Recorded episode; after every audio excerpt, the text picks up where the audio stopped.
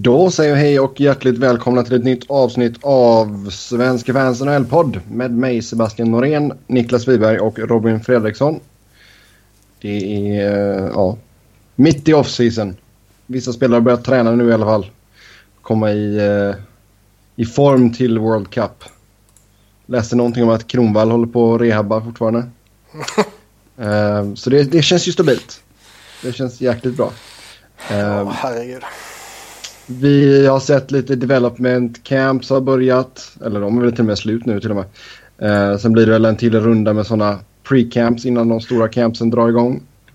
Men eh, ja, vi gör som vi brukar. Vi börjar med eh, uh, kontraktskrivningar och rykten och eh, så vidare. Ehm, Anaheim, de eh, tradade till sig Jonathan Bernier från Toronto. Skickar ett conditional, ett conditional draft pick till Kanada. Det här har ju kommit fram att det var en del av Andersen-traden. Men mm. eh, Bernier hade en signing bonus som skulle prisas först. Som, Det eller Detroit höll på att säga, men det menar jag inte. Jag menar ju Toronto. Eh, som de skulle betala innan eh, ja, han skulle bort så att säga. Ja. ja, men det kan man alla förstå att Dax inte är sugna på att betala den till honom direkt. Eh, nej, så är det ju. Vi ser lite snabbt. Vad låg den på? Vet du det? Nej, ingen aning. Då får vi gå in och kolla. Det jag har svårt att tänka mig det jättemycket liksom. Uh, jag ska se. Jonathan Bernier. Två mille. Uh. Det är eh. hyfsat mycket ändå. Jo, det är hyfsat mycket. Framförallt så är det väl skillnad för, för Anaheim som sitter på en intern budget. Det vet vi, vi har gjort det så några år. Eh, mm. kontra Toronto då som har en, uh, ja, en skattkista som två miljoner är ju en pissenilen. Ja. Absolut, absolut. Mm. Hur ser vi på detta nu då med uh, Dax då? Då har man alltså Gibson och Bernier. Nej, men jag tycker Bernier är en fullt duglig målvakt. Uh, har han också fått oförskämt mycket skit för att han har varit i Toronto? Det får ju alla ju. Mm. Det vart ju en eh, väldigt, eh, vad ska man säga, både tydlig och intressant graf som visade hur Andersens räddningsprocent under karriären kontra Berniers räddningsprocent under karriären då hade utvecklats och där Andersens hade rasat och där Berniers hade stigit rätt tydligt. Eh, sen hur representativt det är, det får man väl låta vara osagt. Men eh, man får väl ändå säga att det är imponerande av Bernier att liksom bygga upp sin save percentage med tanke på vilken kaos det har varit i Toronto mot slutet. Ja, det är sant. De är rätt jämnbördiga statistiskt om vi snackar de senaste tre åren. Liksom. Ja. Eh, så att eh, kanske lite märkligt att den ena är värd första rundsval och femårskontrakt och så vidare. Den andra bara dumpas tillbaka. Jo men det, alltså Bernier var ju en av scapegoatsen i Toronto, absolut. Så det drar ju säkert ner hans värde för Toronto så att säga. Um, så, eh, mm. Vi får se vad som händer helt enkelt ifall Bernier lyckas i Anaheim. Vi stannar kvar i Fast Kalifornien. det är ändå, ja. Mm. Det är ändå ett rätt bra pris man pröjsar för Andersen genom att skicka Bernier och en first rounder och en second rounder. Ja herrejävlar. Det är dyrt. Mm. Så man dessutom sen måste signa upp Andersen på 5 miljoner på fem år var det väl om jag minns rätt. Ja, det sätter ju en del press på danskarna, absolut. Ja, helt klart. Och... Mm. ja, någonstans så känns ju priset bara lite sådär. Mm. Men det är väl vad det är. Som sagt, de känns, på ett sätt känns de väldigt jämbördiga. Fast en har spelat i Frölunda och en har inte gjort det. Då alltså, då, alltså tycker vi om den andra lite mer. Då blir, då blir ju priset dyrare för Frölunda-spelarna i och med att han har varit så bra. Men jag blir inte förvånad om Andersen har en bättre säsong än Bernier nästa år. Liksom. Det... Nej, nej. Det skulle inte chocka. Nej, framförallt så är det väl... Alltså, Snarare det känns... troligt faktiskt. Men, eh, ja, det, och jag menar petar han Gibson ens? Nej, nej, nej. De ska ju satsa på Gibson nu. Mm. Det är ju... Det är väl... Så jag menar, då kanske Bernier får typ 20-25 matcher? Ja. ja. Snarare mm. kanske 35 eller något. Så. Mm. Men det, på, det hänger ju på hur bra han är också. Jo, det är klart. Dax, de signade Jared Bowl, tvåårskontrakt 900 000 och Corbinian Holzer, ett år 700 000. Ja, och visst kan man säga att Jared Bowl bara är liksom uh, djup, det spelar ingen roll och så vidare men... Men du signar inte på två år? Ja, det är tvåårskontrakt det här liksom. Han är ju täm tämligen oduglig liksom. Och eh, Columbus köper ut honom, dumpar honom. Och han var väl tidigare en hyggligt effektiv spelare för den rollen han hade. Men mot slutet här så vill man ju inte spela honom liksom.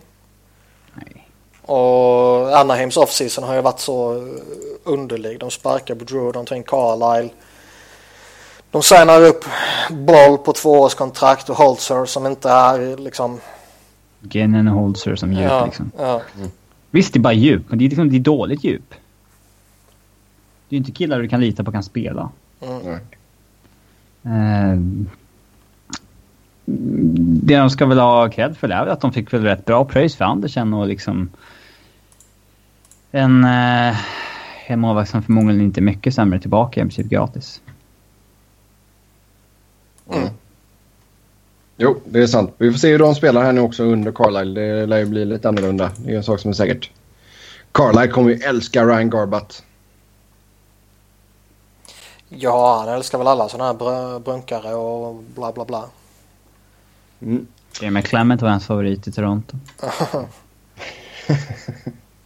Sen har vi uh, Jordan Tutu, Chicago, ett år, 750 000. Ja. Mm. Så mycket hade vi säga om Tutu. Nej, men det... Hade de gjort det efter förra säsongen, när de ändå hade en rätt bra eh, säsong i Devils, då hade det kanske inte varit så förvånande. Men nu hade han en ganska eh, radikal kass säsong. Medioker. Eh, nej, kass. eh, så det, ja, det förvånar mig väl lite grann faktiskt att Chicago, för de är ändå beroende av att deras billigare värvningar faktiskt kan göra någonting. Mm. Eh, så att, eh, och jag tror att de hade kunnat få en bättre spelare än så för samma pengar. Även om det är väldigt lite pengar så är det ju eh, pengar de måste göra någonting vettigt med i Chicagos situation. Yep. Mm. Sen har vi förlängning i Minnesota. Darcy Kemper, ett år, 1,55 miljoner. Hygglig backup. Ja. Det är inte så mycket mer att säga där. Chris Kelly, Ottawa, ett år 900 000. Uh, inte superförvånad att han går tillbaka dit kanske.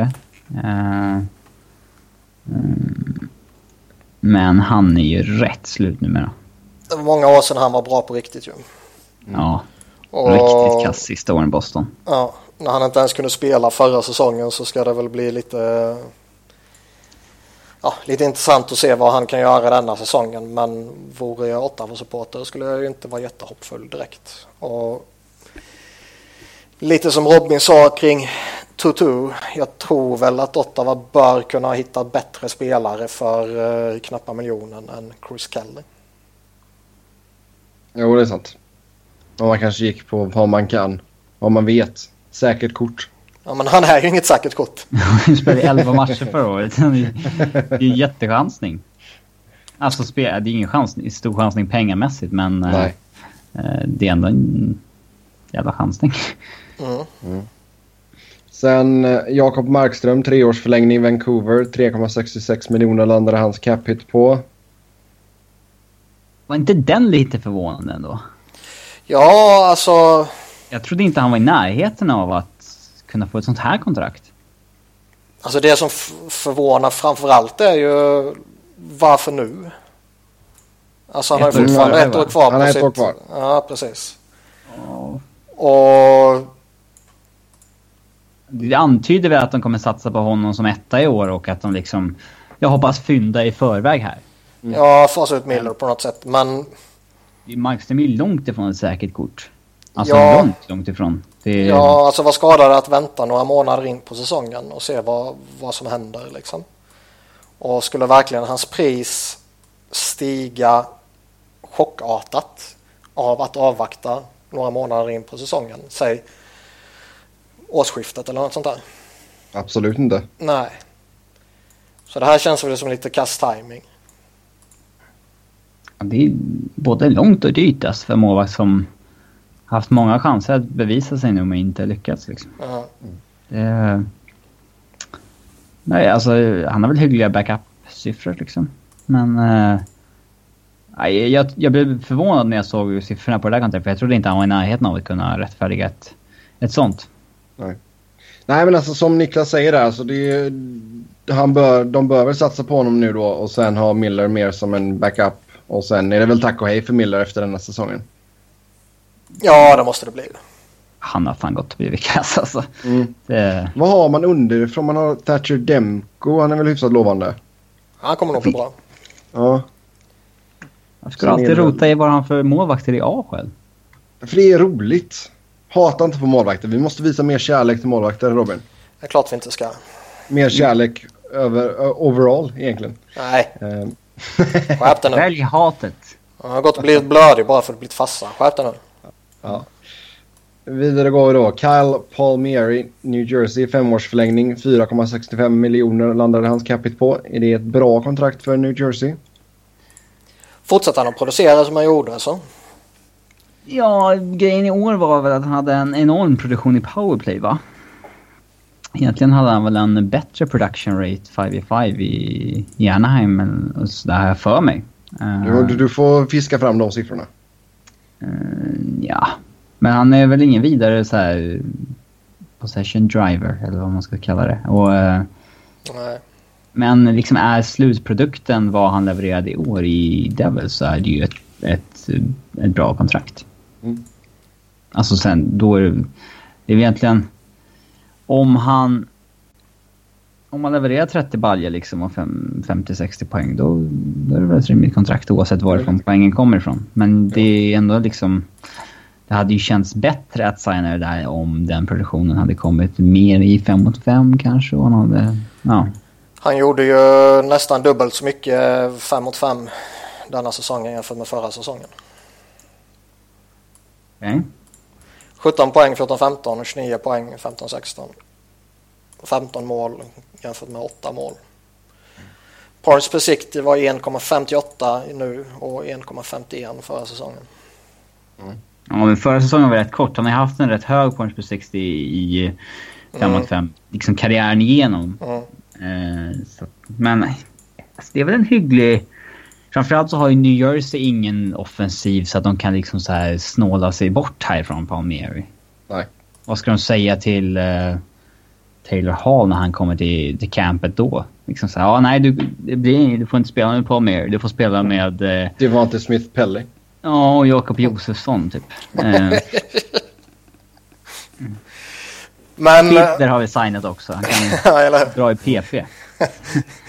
Men eh, alltså ligger han kvar och producerar som han gjorde denna säsongen så ser jag ju inte några problem med det här kontraktet. Alltså om han gör uh, kring liksom 30 baljor och lika många assist. Sen är det väl ingenting man kan räkna med å andra sidan. Nej, man kan inte förvänta sig det. Nej. Nej, hur ser ni New Jerseys första line se ut här nu? Just nu är det väl Hall, Henrik och sen att det blir en tredje hjul som är rätt mycket sämre för att man vill ju inte sätta alla... Antingen kör man Hall, Henrik, Palmieri och stackar upp eller så försöker man väl sprida ut lite så man får mm. mer än en fungerande kedja. Men i en depth chart skulle väl de vara etta på de tre positionerna. Mm. Frågan är vad man gör med sån som Pavel Sacha också.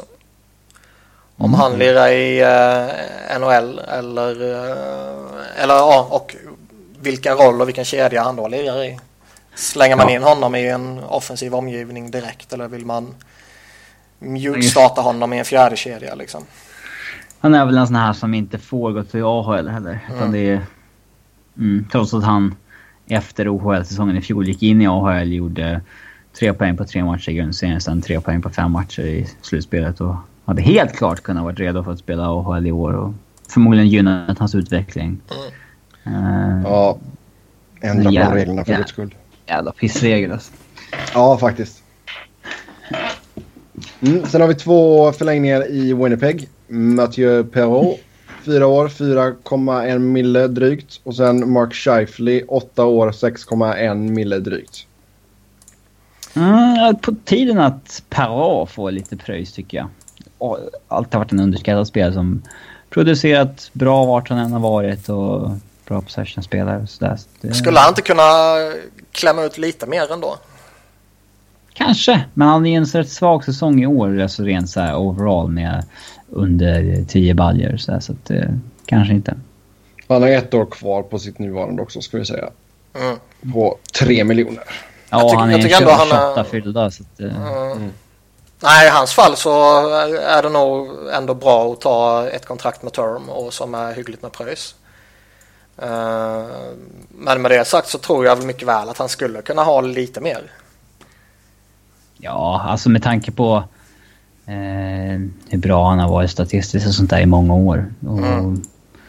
Många organisationer som börjar titta på det så eh, skulle det inte förvåna mig han skulle kunna fått något mer någonstans. Men eh, samtidigt så skulle jag inte jag vara, om jag var han, liksom 28 fyllda, gjorde under 10 baljer år. Man kan få det där kontraktet i förväg så hade jag nog signat det direkt liksom. Ja. Mm. Sen Scheifler då, stora kontraktet där. Eh, det var väl lite som vi snackade om att det skulle bli någonstans runt 6 mille. Eh, och så blev det 8 år. Mm, 6 gånger 6 är ju det, det vi typ sa. Det är normen nu. Ja. Eh, ja, men liksom går man 7 eller 8 år då ska han ju såklart ha mer. Så att det är ju rimligt på det viset. Ja, och jag tror väl att han ja, vad ska man säga, antingen har han väl breakat nu eller så är det bara en tidsfråga innan han breakar för dunder och brak liksom. Um, och jag lutar väl åt att han redan har breakat. Men han kommer väl bara bli bättre också tror jag. Och jag har svårt mm. att se att det här kontraktet kommer uh, ställa till några jätteproblem under den större delen av kontraktstiden. Sen vet man aldrig hur det ser ut om sex år liksom. Nej, det har du helt rätt i. Men förhoppningsvis om sex år så är capen ganska mycket högre också. Så där kan man inte säga varenda kontrakt som skrivs. Capen kan rasa eller så kanske den inte finns kvar. Ja, det är sant. Men ska man göra en jätterolig kedja nu då med Scheifly och eh, Ehlers och Line? Jag är helt övertygad om att det är deras första kedja på sikt. Alltså den känns ju sjukt spännande. Ja, ja. Men eh, pratar man bara kortsiktighet så liksom måste du ju se till så att Blake Wheeler har bästa möjliga omgivning. Mm. För han är faktiskt liksom lite sådär skymundan en väldigt effektiv spelare och har varit så i några år. Mm. Men är han väl, alltså, känner du att han är väldigt beroende av sin omgivning? Beroende av omgivning. Alla är väl, gör väl det bättre ju bättre spelare du spelar med. Jo, men jag tänkte alltså kan han göra liknande, kanske inte siffror som han gjorde förra året för då hade han ju karriär, karriärsbästa men mm. att han kan ligga någonstans runt 60 pinnar även ifall han inte spelar med deras toppcenter liksom. Ja, det tror jag mycket väl han kan. Men eh, Jets är väl också i ett läge nu där de behöver eh, ta det här klivet nu liksom. Mm. Och kanske bli ett slutspelslag och kanske eh, lyckas vinna en serie också. Och då är ju Blake Wheeler en av deras absolut viktigaste spelare. Mm. Han är så här, alltid haft svårt att bestämma mig för men jag tycker han är underskattad eller överskattad. Mm. Han, är så här, alltså han har alltid kallats underskattad hela tiden. Så här, men, liksom, men han är ingen toppspelare på riktigt liksom. men, eh, men han har några riktigt bra säsonger på rad här nu. Yes. Han har varit över 60 poäng och han var nästan uh, point per game förra säsongen och mm. gått och blivit en gedigen målskytt. Han är bara 29 bast. Ja. 30 när säsongen börjar så jag skulle väl nog kunna tänka mig att han har några bra säsonger till i alla fall. Ja. Sen får vi se vad som händer på målvaktssidan där ifall Connor Hellebergchuk kan... Det känns ju inte som de har något problem där. Eh, Ja, men deras målvaktssida, alltså med Pavlic och Hutchinson, alltså den känns så jäkla mellanmjölk. men Paders kontrakt är bara att vänta ut. Ja, herregud. Det är inget konstigt. Och Hutchinson tycker jag har varit serviceable. Om vi ska Mm. använda den Ja. termen. Och Hellebuck ser jättelovande ut. Så den... Eh, Ja. det, jag hade inte direkt gått och oroat mig över... Jag tror att de har något till vettig målvaktsprospect också. Kan ha fel. Eric Comrie. Mm. Ja. Mm. Så att... Eh, Ja, vi har pratat om deras framtid jättemånga gånger och den ser ju fantastisk ut. Men eh, ur ett rent kortsiktigt perspektiv så behöver de ju sina veteraner. ja. Mm. Därför de... Vad bra att de degar upp för att hålla, behålla Big Buff. Ja, så han kan mobba någon. Mm. Han jobbar på att mobba bort Enström till Modo. Ja, det hade varit någonting då. Sen Colorado, Nathan McKinnon. Sju år, 6,3 miljoner. Bast! Vilket kontrakt är bättre? Shifley på 8 år, 6,1 eller Kinnon på 7, 6,3? Skillnaden De är lite svåra att jämföra eftersom de är i olika ålder. Men man kan säga att McKinnon ligger mycket längre fram i 20-årsåldern än vad Shifley gjorde när han var 20. Ja. Eh, och det är väl också skillnaden på en kille som går etta i draften eller en kille som går några hack senare. Jo. Eh, men det är väl absolut inget problem med detta kontrakt och inte heller för dyrt på något vis tycker jag. Det är snarare bra att de... Ett, ett väldigt bra kontrakt att de bara strax över sex och liksom ändå går med på att signa sju år. Eh, det är ju... Ja, mycket... Jag tycker väl han, ja, jag tycker väl han har visat tillräckligt mycket för att eh, man inte bör oroa sig över det här kontraktet.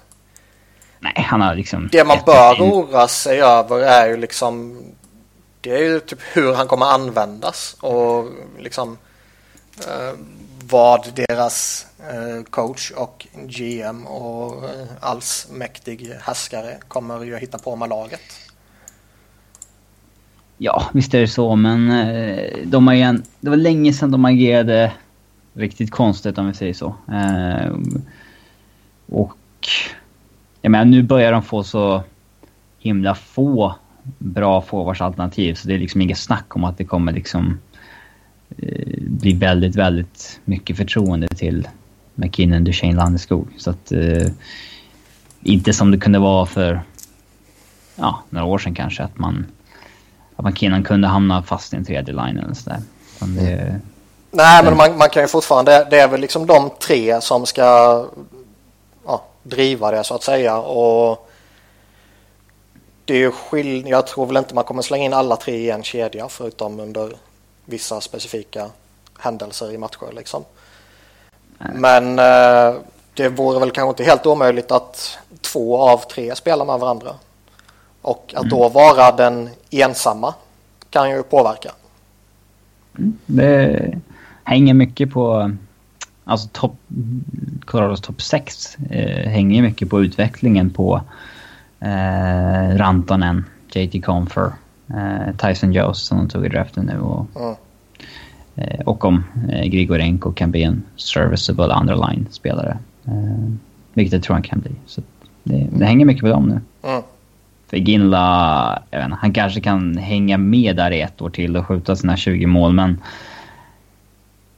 Eh, det är väldigt få lag han hade spelat i topp 6 i om vi säger så, kommande år. Mm. Så mycket han tappat. Ja. Mm, vi går över till Philadelphia. Där har man skrivit ett ettårskontrakt med Roman Lubimov från CSKA Moskva. Cheska. Tjeska. Ja, ehm, jag tyckte han såg bra ut under VM här senast.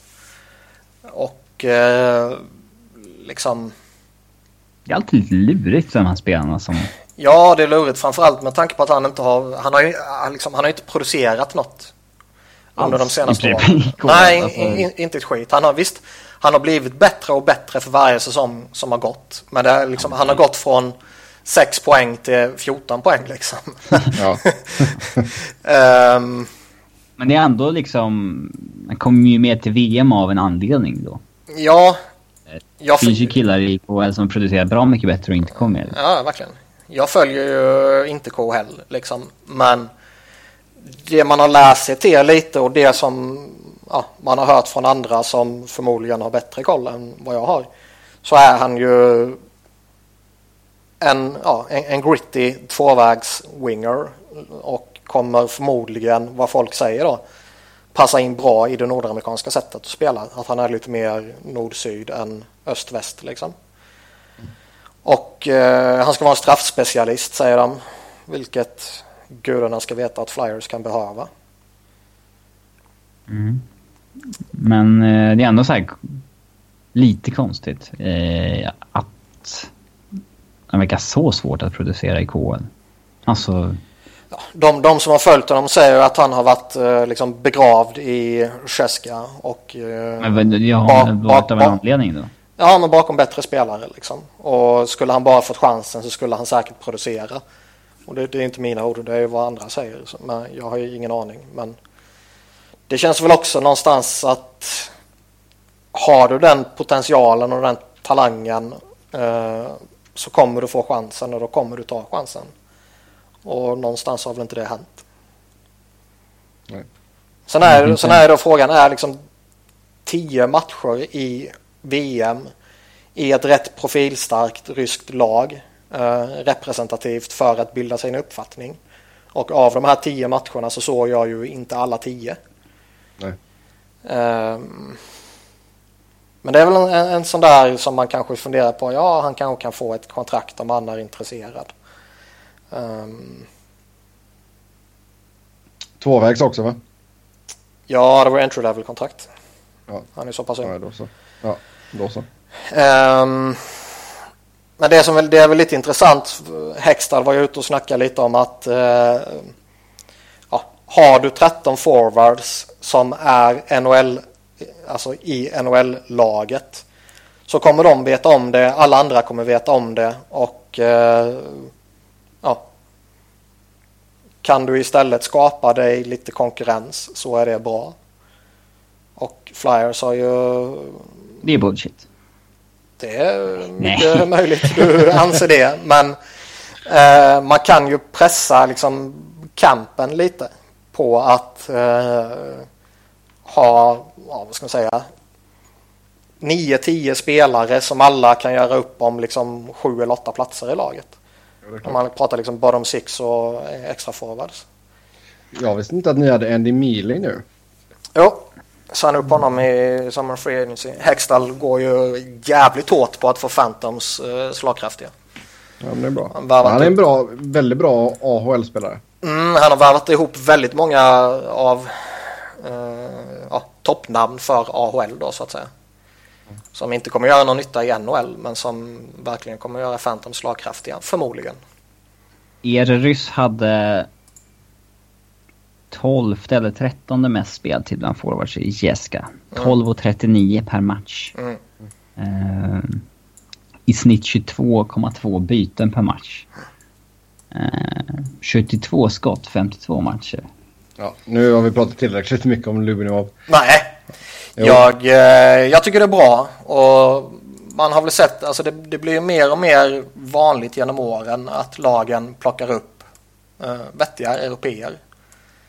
Och slänger in dem i allt ifrån ja, första kedjan jämte Joe Thornton till eh, Bellemare Flyers fjärde kedja till exempel. Och de gör det bra. Så det finns ju ingenting att klaga på det här och funkar det inte så dumpa ner honom i AHL så antingen spelar han där och gör dem bättre eller så river man kontraktet och så flyttar han hem.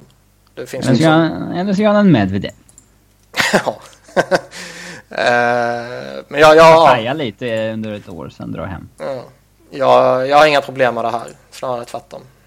Nej, detta känns ju mycket roligare än att de skulle plocka upp någon trökig veteran som redan är kass liksom. Ja. Mm. Burry. Sen, sen eh, man signar även ett ettårskontrakt med Jordan Wheel också, 625 000. Det behöver vi inte säga någonting om.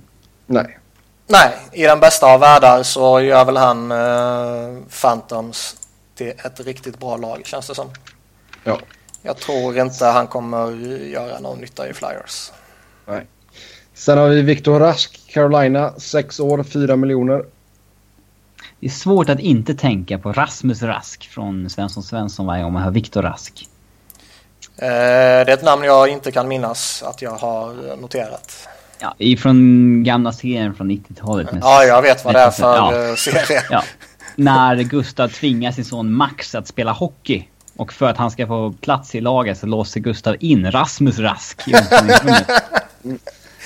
eh, Och hans pappa Kjell-Åke kommer dit, till deras hus då, med en hockeyklubba. Kjell-Åke Rask? Jag för mig att han hette Kjell-Åke. Men mm. ungen hette i alla fall Rasmus Rask. Mm. Ja, det minns jag inte. Men nu är det, Vikt nu är det Viktor som får pröjs av Carolina. Det är ju lite mm. skoj när eh, en viss eh, stor svensk tidning eh, målar upp det här som en chock. Att han får ett stort kontrakt. Ja, i alla fall i rubben. Alltså ja. det, I själva artikeln så stod ja, det inte men... det. Men i puffen på Sportbladets hemsida så stod det skrällen får... Kon, skrällen får... Uh, ja, fast stod det? Det var, stod skräll i alla fall. Vän av podcasten Nicky Nine twittrade ut vad det stod. Jag ska kolla vad exakt. Här. Skrällen belönas med drömkontrakt. Mm. uh, och det är väl ingen skräll kan jag tycka. Nej, verkligen inte. Uh, Kanske att det var så långt, men... Uh... Ja, men det är väl standard också. Alltså alla sådana här uh, lite yngre spelare som ja, gör något bra. Man fynda sig längre ja, och... Ja. ja. Och han har ju faktiskt gått och blivit väldigt duktig. Mm. Oh ja! Som vi har sagt ett par gånger så har han ju passerat Elias Lindholm lite i liksom... Ja, det tycker jag. Helt klart. I liksom status och sådär. Ja. Jag, jag trodde absolut inte Sen är han ju några år äldre så det är kanske bara en ja, ja. naturlig ja, alltså, utveckling. Så. Elias Lindholm men... är fortfarande en jätteslang. Ja. Eh, men eh, jag trodde inte på det här från Viktor Rask när han... Eh, jag kommer ihåg att i hans draftår så var han liksom, han rankades tidigare eller någonting i draften inför när det var ett år kvar någonstans. Så föll han ju till andra rundan. Han gjorde ju inte mycket väsen av det allsvenskan, gick till VHL. Eh, liksom, inga rapporter om att han liksom direkt dominerade det där. En hygglig säsong i AHL och sen har han varit stabil i NHL och liksom sakta blivit bättre och bättre. Mm. Eh, eh, men liksom, han gjorde inget JVM där han liksom så var fullständigt dominant heller. Och liksom, men sakta, sakta blivit bättre. Mm. Ja, nu är han en av, ja, ingår i deras stomme. Yes. Och det är en jättegod utveckling för honom. Mm. Och ligger han på den här nivån på 20 plus mål och strax under eller strax över 50 poäng så är det en jättebedrift av honom. Ja, pengarna han får. Så blir han UFA när han är eh, ja, 29 där. Mm. Bra, bra deal. Mm, det är en bra ålder. Absolut. Och då har han tröttnat på Quebec så då lämnar han Quebec Hurricanes. ja. Eh, många svenskar i Carolina nu.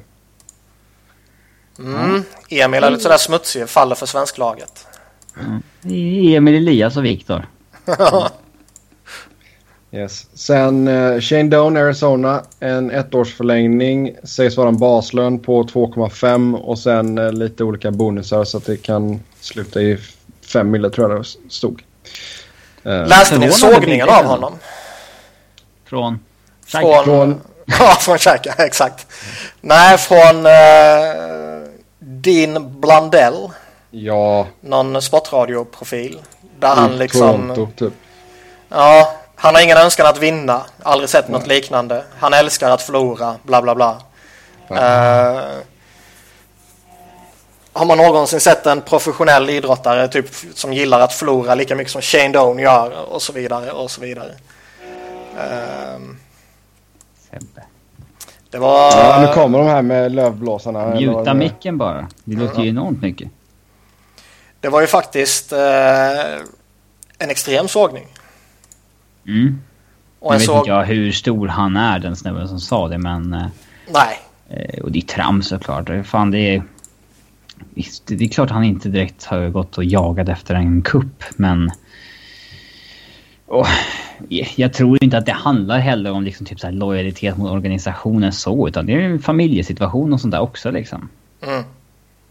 Jo, det är klart att det är en kombination av det, men det är klart att han har, känner någon form av lojalitet. Alltså, det är väl... Det, alltså, det finns inget att känna en lojalitet för, dock. Det är en väldigt tunn organisation. Jo, men kommun, det finns ju inga alltså, fans. De byt, har bytt kommun, namn och, och, ingen vet var de kommer ta vägen. Och, och han draftades inte i Phoenix. Nej, han draftades av Winnipeg. Men jag tror ändå, alltså det är klart, spelar man alla säsongerna som han har gjort från slutet på 90-talet fram till idag så det är klart man får någon form av lojalitetskänsla för organisationen. Även om eh, det har funnits problem i laget och problem kring laget och eh, liksom... Inte, mm.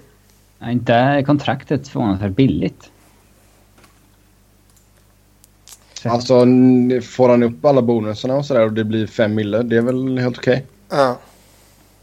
Ja men alltså, jag är förvånad att inte Arizona... De måste ju liksom upp till golvet och de... Nu är de väl typ precis där i och för sig så att... Uh, de har passerat nu. Mm, ja, inte, ja Jag läste någonstans att efter Domes kontrakt och efter Rasks kontrakt tror jag det var så har de två sista lagen tagit sig över golvet. Ja. Det är ju faktiskt helt... Hur mycket, hur mycket pengar spenderar de egentligen? Alltså med Datsuk och Prongers kontrakt medräknade i det där så... Så vad, vad ligger deras lönesituation på e egentligen? Måste ju vara... Ja... Total salary, det står 48,8 miljoner. Räknar det med Datsuk? Det vet jag inte. Jag kollar på General Manager nu. Mm. För det är död capita liksom. Mm. Uh, det är, är död capita. Pronger betalar de ju 575 000 till. Men, uh, mm. Det står projected salary cap hit 55 mille och sen står det total salary 48,8. Mm. Mm. Jag vet inte om Datoks pengar räknas med där, men det, de betalar ju enormt lite pengar för den truppen de har verkligen. Mm. Mm, sen har man ju en hel del killar på entry level kontrakt också. Men jag kan ändå gilla att han kör en karriär i Arizona. Eh, ja. Även om det innebär att han blir utan det, det en knappa, cup. Liksom. Det är knappast att han är så pass bra idag heller så att han... Alltså det är inte som när Ginla valde att lämna Flames där. Nej han ändå liksom fortfarande var en 35-målsskytt. Gjorde visserligen Doan 28 i fjol, men mm. det är ingen garanti att han gör över 20 alls. Nej. Eh, när Ginla valde att gå efter en kupp och gick till Pittsburgh och sen till Boston så var han ju en helt... En, alltså en klasser bättre än Doan. Ja, han var inte 39 bast. Doan kom inte som den sista pusselbiten till en contenders topp 6 någonstans liksom.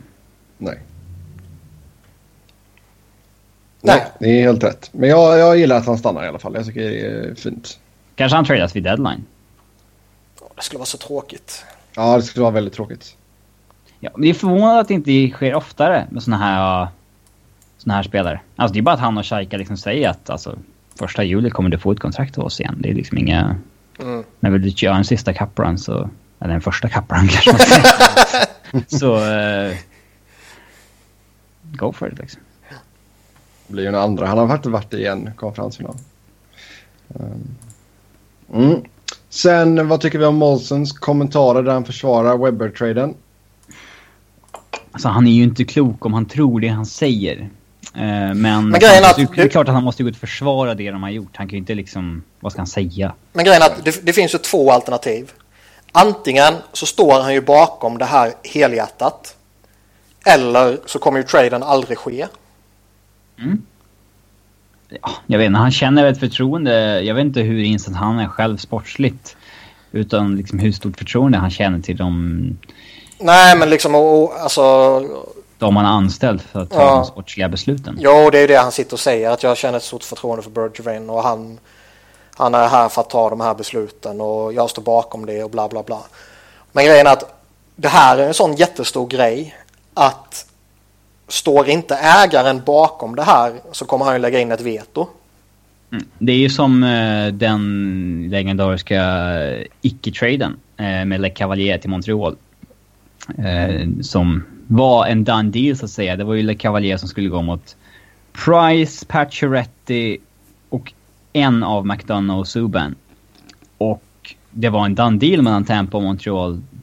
Eh, ja, innan de här spelarna blev jättebra såklart i Montreal. om- Mm. Som ni förstår. Men då var ju en ägare i Tampa som sa nej i och med att de... Jag vet inte, de höll på att sälja klubben på något vis eller liksom försökte få in någon stor jävla sponsor och då kunde inte affischnamnet till Cavalier lämna.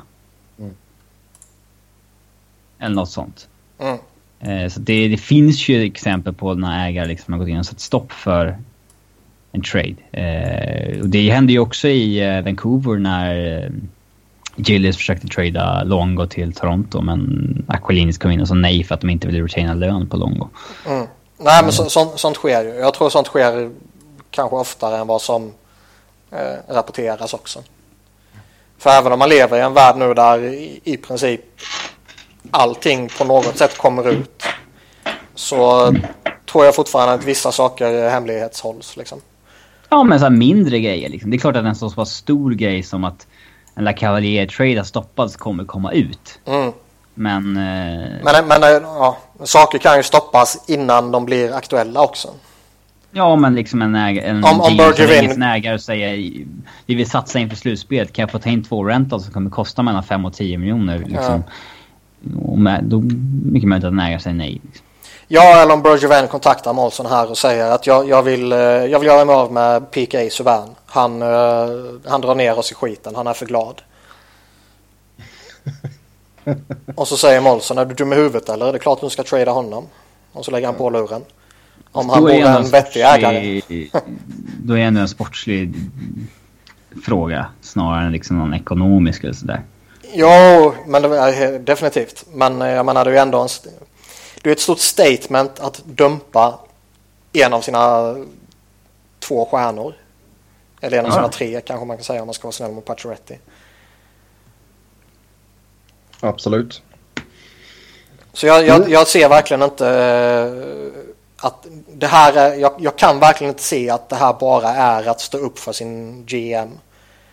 Utan jag, jag är helt övertygad om att han står bakom det här 100%. Och verkligen tycker så och inte bara gör det för sin skull. För annars skulle han ju stoppa traden. För det finns ju ingen GM som är så, eller förlåt, ingen ägare som är så oansvarig att han låter eh, sin GM ha fritt spelrum när det kommer till sådana här stora grejer. Nej. Nej, men dock så krävs det ju faktiskt att man är ganska... Inte bara casual insatt, utan väldigt insatt. Har vi märkt. Eh, för att veta liksom faktiskt vilket dåligt byte Subban mot Webber är. Ja, ja. Alltså... ja, det förvånar ju inte ett dugg att han tycker att eh, Webber är ett uppköp. Shea Webber liksom. Ja. Eh, men... Det ser man ju Mm. hela tiden. eh, Allt ifrån eh, ja, stora respekterade journalister uppe i Nordamerika till mindre respekterade svenskar här hemma som slänger Ja. ur sig samma sak. Vi eh, tar och pillar in en lyssnarfråga här faktiskt. Och då är frågan hur kan så många, och så är det sådana här air quotes nu då, experter vara så fruktansvärt genomusla? Se bara på kommentarerna om Subban Webber-bytet. Preds är vinnare, där är liksom ingenting att diskutera. Ändå så är det många som tycker att Montreal är vinnare i traden. Det, det är väl egentligen inte så konstigt om man liksom inte följer NHL så up to date liksom. Utan för, för Shea Webber var ju kanske världens bästa back för fem år sedan. Jo. Eh, och han, hans liksom poängproduktion har ju fortsatt vara där den var liksom... Han, I fjol var hans bästa po- säsong poängmässigt på länge också. Så att liksom... Tittar man inte noga på något vis gällande Shea Webber så har man ju svår... Eh, då är det ju egentligen omöjligt att se hans förfall. Eh, så, och han har ju varit ett, ett monster i OS-turneringarna och sånt där. De som alla har sett liksom. Så att... Eh, däremot förvånar det mig att det finns alltså nordamerikanska experter som faktiskt... Jo men är det sådana som alltså inte tittar någonting på de alltså underliggande statsen då? Men an, an, an, ja, antingen är man ju lat och inte bemödar sig att sätta sig in i ligan på ett sätt som supportrar gör. Alltså, många har ju det här som ett yrke och kanske inte som ett intresse. Mm. Um, och i, hos vissa är det säkert ett intresse men där intresset har svängt över och bara blivit ett yrke. Och ja. om du bara jobbar med en sak och du inte är 100% dedikerad för uppgiften så kommer du bli sämre på den nu. Det är ju rätt givet ju det. Oavsett om det handlar om att följa NHL eller eh, liksom vara trädgårdsmästare. Inget ont om trädgårdsmästarna men det är ändå lite olika sysslor man gör. Jo. Så om Killen inte... med lövblåsen. men om, om du inte... Ska vi ut och fråga honom vad han tyckte om traden? Ja.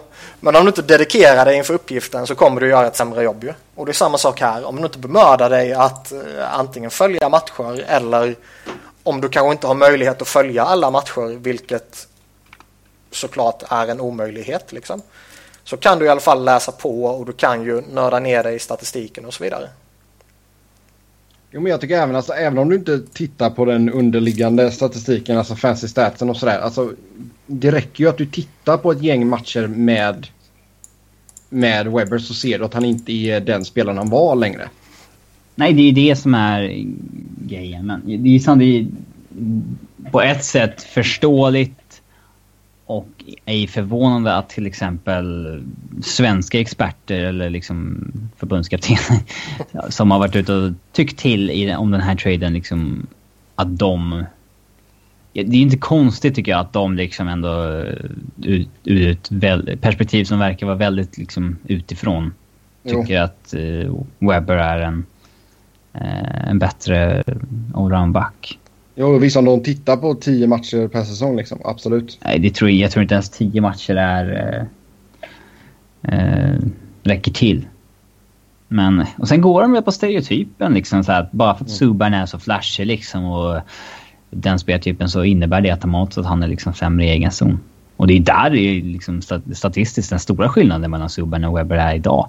Att i offensiv zon så har bägge sin produktion och bägge har ett sjuhelvetes skott där Webber har ett bättre skott ska sägas. Men det är ju i egen zon där den siffrorna visar den enorma skillnaden på hur effektivare Subban är. Eh, se till att ja. pucken kommer därifrån på ett bra sätt. Mm. Eh, så att... Eh, ja, jag vet inte. Det är... Vad var egentligen frågan från början? Att det, är det konstigt att experterna tycker så här? Eller ja. Alltså, liksom, hur, hur kan de vara så fruktansvärt genomusla var eh, frågan.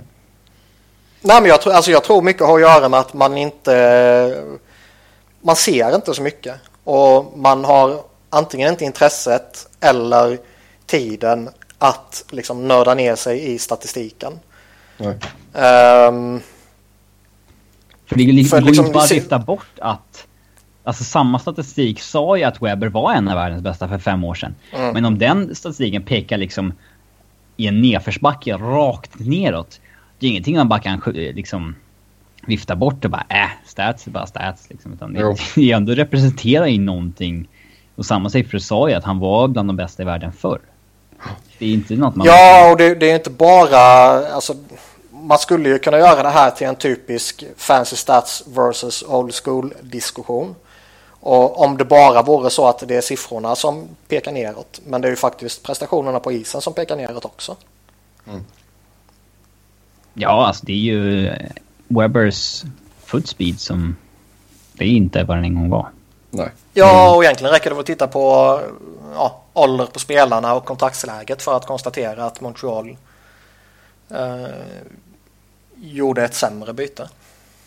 Ja, men det är de, det har vi snackat om flera ja. poddar redan nu. Så ja. att, eh, men men det, är, det är en kombination av grejer helt enkelt. Eh, sen, alltså, sen är det ju många, alltså, många av journalisterna här borta är ju de följer ju ett lag slaviskt liksom. Nej men det jag menar, om du följer ett lag slaviskt och eh, liksom kanske sitter i tv fem dagar i veckan och följer det laget eller kanske uteslutande då bevakar kanadensiska lag till exempel. Ja. Hur många gånger har du möjlighet att, att följa Shea Webber? Och när han väl är där så skjuter han in två puckar i PP liksom och ser lika stor och stark ut som vanligt. Ja, och sen liksom- dunka in huvudet i, i plexit på någon motståndare och så här. Mm. Men eh, så jag, jag tror det är en rätt enkel förklaring. Plus att jag då tror att väldigt många eh, antingen liksom nonchalerar bort att nörda ner sig i statistiken eller som aktivt väljer att inte göra det för de att, tror inte på det liksom. Mm. Sen så, många har ju liksom allmänt svårt att acceptera att kanske att en spelartyp som Subban är mer effektiv än en spelartyp som, som Webber. Eh, Ja, sen vet vi ju liksom att må många av de, de som kanske kritiserar honom eller kritiserar traden och kritiserar Subban är ju kanske ur den äldre skolan. Och eh, de har ju en, och nu generaliserar jag lite här, de har ju en uppfattning som kanske inte alltid speglar, eller speglar 2016. Utan kanske Nej. snarare speglar 1992 eller någonting. ja, och sen så tro, tyck, tror väl alla vi tre rätt- med rätt stark övertygelse, rätt stark övertygelse Mhm. att snacket om att Subban skulle vara en dålig lagspelare mest är bullshit. Ja, men det är ju saker man planterar i efterhand för att försöka eh, ge legitimitet till traden man har gjort. Alltså alla som har spelat med Subban säger typ att det är världens bästa snubbe liksom. Det, Ja, och sen att han är, jag, jag kan väl någonstans förstå att eh, liksom, ja, ja, men om han springer runt och är superglad efter en förlust så kan är väl det rätt givet att folk kommer ta illa vid sig för det. Ja. Men eh, liksom han, nå, nå, någonstans så, han var ju ute nu också, jag minns inte om det var Bergevin eller om det var Molson, men jag tror det var Bergevin som var ute och vimsade om att eh, han vill skapa Chicago-kulturen i Montreal. Mm. Eh, vad sa du? Ja, det var han. Ja. Eh, och liksom då ska man ta in Andrew Shaw och så ska du ta in Shea Webber som eh, leadership bla bla bla och eh, dumpa PK Subban som har character issues liksom. Eh, och jag läste också, nu minns jag inte vem det var, men det här med att eh, man liksom hyllar viljan att vilja vinna. Det var om någon NBA-spelare hör för mig. Att han, han har liksom blivit en av världens bästa spelare för att han har en sån extrem vilja att vinna. Eh, men så han, har han aldrig varit i final ens liksom och ändå blir han hyllad för sin extrema vilja att vinna. Grejen med det som skapar vinnarkultur bra omklädningsrum sånt där. Det är ju oftast att vinna. Det är inte så att du vinner för att du har skapat rätt kultur och ett bra omklädningsrum. Nej, du vinner för att du har talangfulla spelare, inte för att du har spelare med leadership. Och sen så, att vinna i sig kommer ju skapa en bra kultur. Ja. Men det är inte så att en bra kultur ger vinster. Nej. Sen var det, det var ju faktiskt en rätt rolig diskussion fram och tillbaka mellan Aaron Ward, den gamla backen, och eh, nu tappar jag namnet på honom, en av TSNs eh, gubbar. Eh, Cullen heter han det, eller Gordon, jag minns inte. Mm. Eh, där eh, liksom TSN-snubben då ställde frågan att eh, har liksom kultur någon gång liksom vunnit? Och då slängde ju Ward ur sig att när vi vann 2006 med Carolina så var det vår kultur som gjorde att vi vann. Liksom. Och vår attityd och liksom eh, alla, alla köpte vad vi skulle göra och gick in inför uppgiften och bla bla bla. Och helt plötsligt gick de och vann bara. Medan han kanske då pekar på att nej, men det kanske har med att vissa spelare spelade bra och kanske hade en lite tur. Typ. Det är en slutspel var typ 20 matcher. Det kan ju liksom... Ja. Vilket Man- lag som man- helst ska ju få en hot streak då. Ja. Är Och man kan ju fråga sig hur jävla rutten som Carolinas kultur måste varit innan och efter den cupvinsten. Om det bara var kulturen och sådär som gjorde att de vann. Ja, det är ju dröm. Vidare det, det blir bra stämning av att vinna. Ja. ja. Det är inte så konstigt. Scott Cullen heter han ju. Ja. Mm. Florida sägs vara intresserade av Chris Russell. Ja, den är märklig. Mm. Mycket märklig. Dels för att de har ju valt... Eh, ja, de har gått och blivit fancy cats. Eh, och gjort många smarta manövrer där, men liksom, tittar man på samma siffror så skulle ju... Alltså enligt statistiken är ju inte ens Chris Russell på replacement level liksom. Alltså så usla siffror har ju han. Mm. Uh, det är, jag har väldigt svårt... För det har ju snackats om att han har haft erbjudanden på så här fyra år på 17 miljoner och så vidare. Uh, att, uh, väldigt svårt att se att Florida skulle skicka upp någonting som ens var i närheten av det. Men grejen att... Det känns liksom, ologiskt alltså. Signa upp honom på ett långt och dyrt kontrakt. Det har vi redan pratat om att det är galenskap ju. Mm. Uh, och någonstans har jag väl svårt att se att det är vad Florida erbjuder honom. Utan här kommer man kanske säga, här har du ett ettårskontrakt eller ett tvåårskontrakt som inte alls är överjävligt dyrt. Och kom in här och, eller kanske man slänger upp ett ettårskontrakt och säger kom in här och spela och gör det bra så får du kanske ett större kontrakt nästa sommar istället. Får vi lite pix vid deadline. Mm. Mm. Liksom, nej, men gå in här och spela med Ar, ja, Aron Ekblad eller vad fan som helst liksom. Det är aldrig fel att så, att säga kick tires på alla alternativ ja. som finns på fairness-marknaden. Men jag, är, jag har fortfarande svårt att tro att det skulle finnas något större seriöst intresse från Florida. Dels för att de inte borde ha råd och dels för att eh, de verkar inte gilla den spelartypen. Nej. Mm. Vad tror vi då kommer hända med Free Agencyns största namn som är kvar? Alltså det är ingen jättesexig lista detta men... Uh... Nej. Det är väl Russell eller? Russell är ju med. Um, sen har... Hoodler är väl hyfsat intressant också kan jag känna. Jo, men jag kan rabbla upp lite namn här som var med på listan här. James Wisniewski, Matt Carl, Radim Verbata, Sam Garnier, Christopher Stig, Hudler, Seidenberg, Luke Chen, Grossman, Alex Tangay, Paul Gostad, Russell Lawson, Nick Spalling. Alltså jag tror merparten av de här kommer hitta jobb liksom. Det är jag helt övertygad om. Mm. Uh, men jag kan väl kanske också tänka mig att en hel del kommer få kanske börja med Trout-kontrakt och sånt här. Mm. Det är ju tryout och så signas på typ ett år. Ja. Eller signas väldigt, eh, alltså signas i september mm. inför kamp och så vidare. Um, så jag tror alltså, jag, jag, tror de flesta kommer hitta jobb i NHL, men jag tror väl också att en del kanske kommer få hitta eh, en klubb och i synnerhet en roll som de inte alls är nöjda med. För det är ändå rätt många spelare som kommer från stora kontrakt och som eh, har genom åren haft rätt stora roller. Och som kanske någonstans förväntar sig att jag ska ha samma sak fortfarande. Yes. Medan det inte riktigt blir fallet. Nej. Mm. Alltså Matt Carl, visst han hade en liten undanskymd roll här mot slutet. Men han kommer från ett stort kontrakt. Han har liksom spelat i topppar under en stor del av sin karriär. Och Radim Verbata mm. har varit toppkedjor eh, hela karriären här och gjort bra siffror. Och Jerry Hoodler samma sak. Dennis Seidenberg något liknande. Um, alltså sådana tror jag kanske kan få någon form av wake-up call. Om de överhuvudtaget fattar det. Carl tror jag är ett dåligt exempel för han har ju varit petad och skit så jäkla mycket nu så att han... Eh, och eh, han har ju helt slutat producera. Det måste han ju förstå, veta själv. Men en sån ja, som Grossman kan nog gå och tro att han är ju samma stabila pjäs som han alltid varit liksom. Mm. Varför ska inte han få 3,5 miljoner igen? Liksom?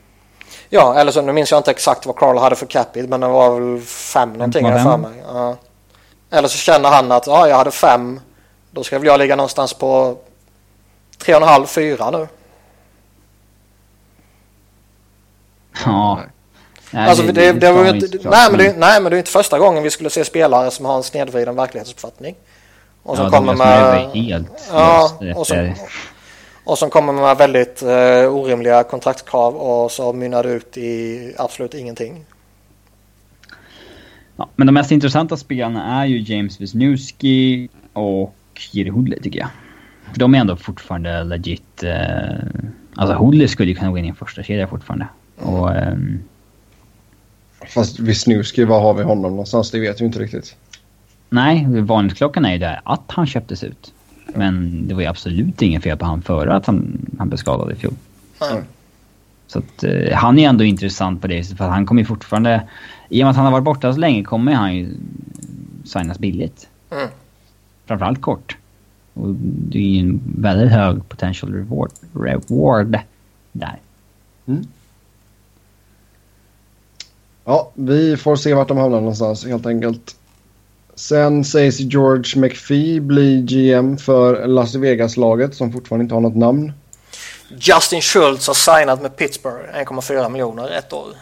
Mm, det är mer än vad han ska ha betalt. 1,4 till och med. Shit. Jag hade lätt gissat på under miljoner.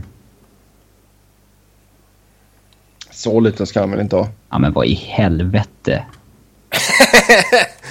Såg du... Har ni sett tweeten från Detroit? Nej. Ja, de signar en Pokémon. Ja, alltså de har... I den officiella tweeten om att de har resignat Teemo Pulkkinen skriver de Teemo Pokémon. Ja, gud. Ja, det, nej. Nej, säger jag bara. Läs-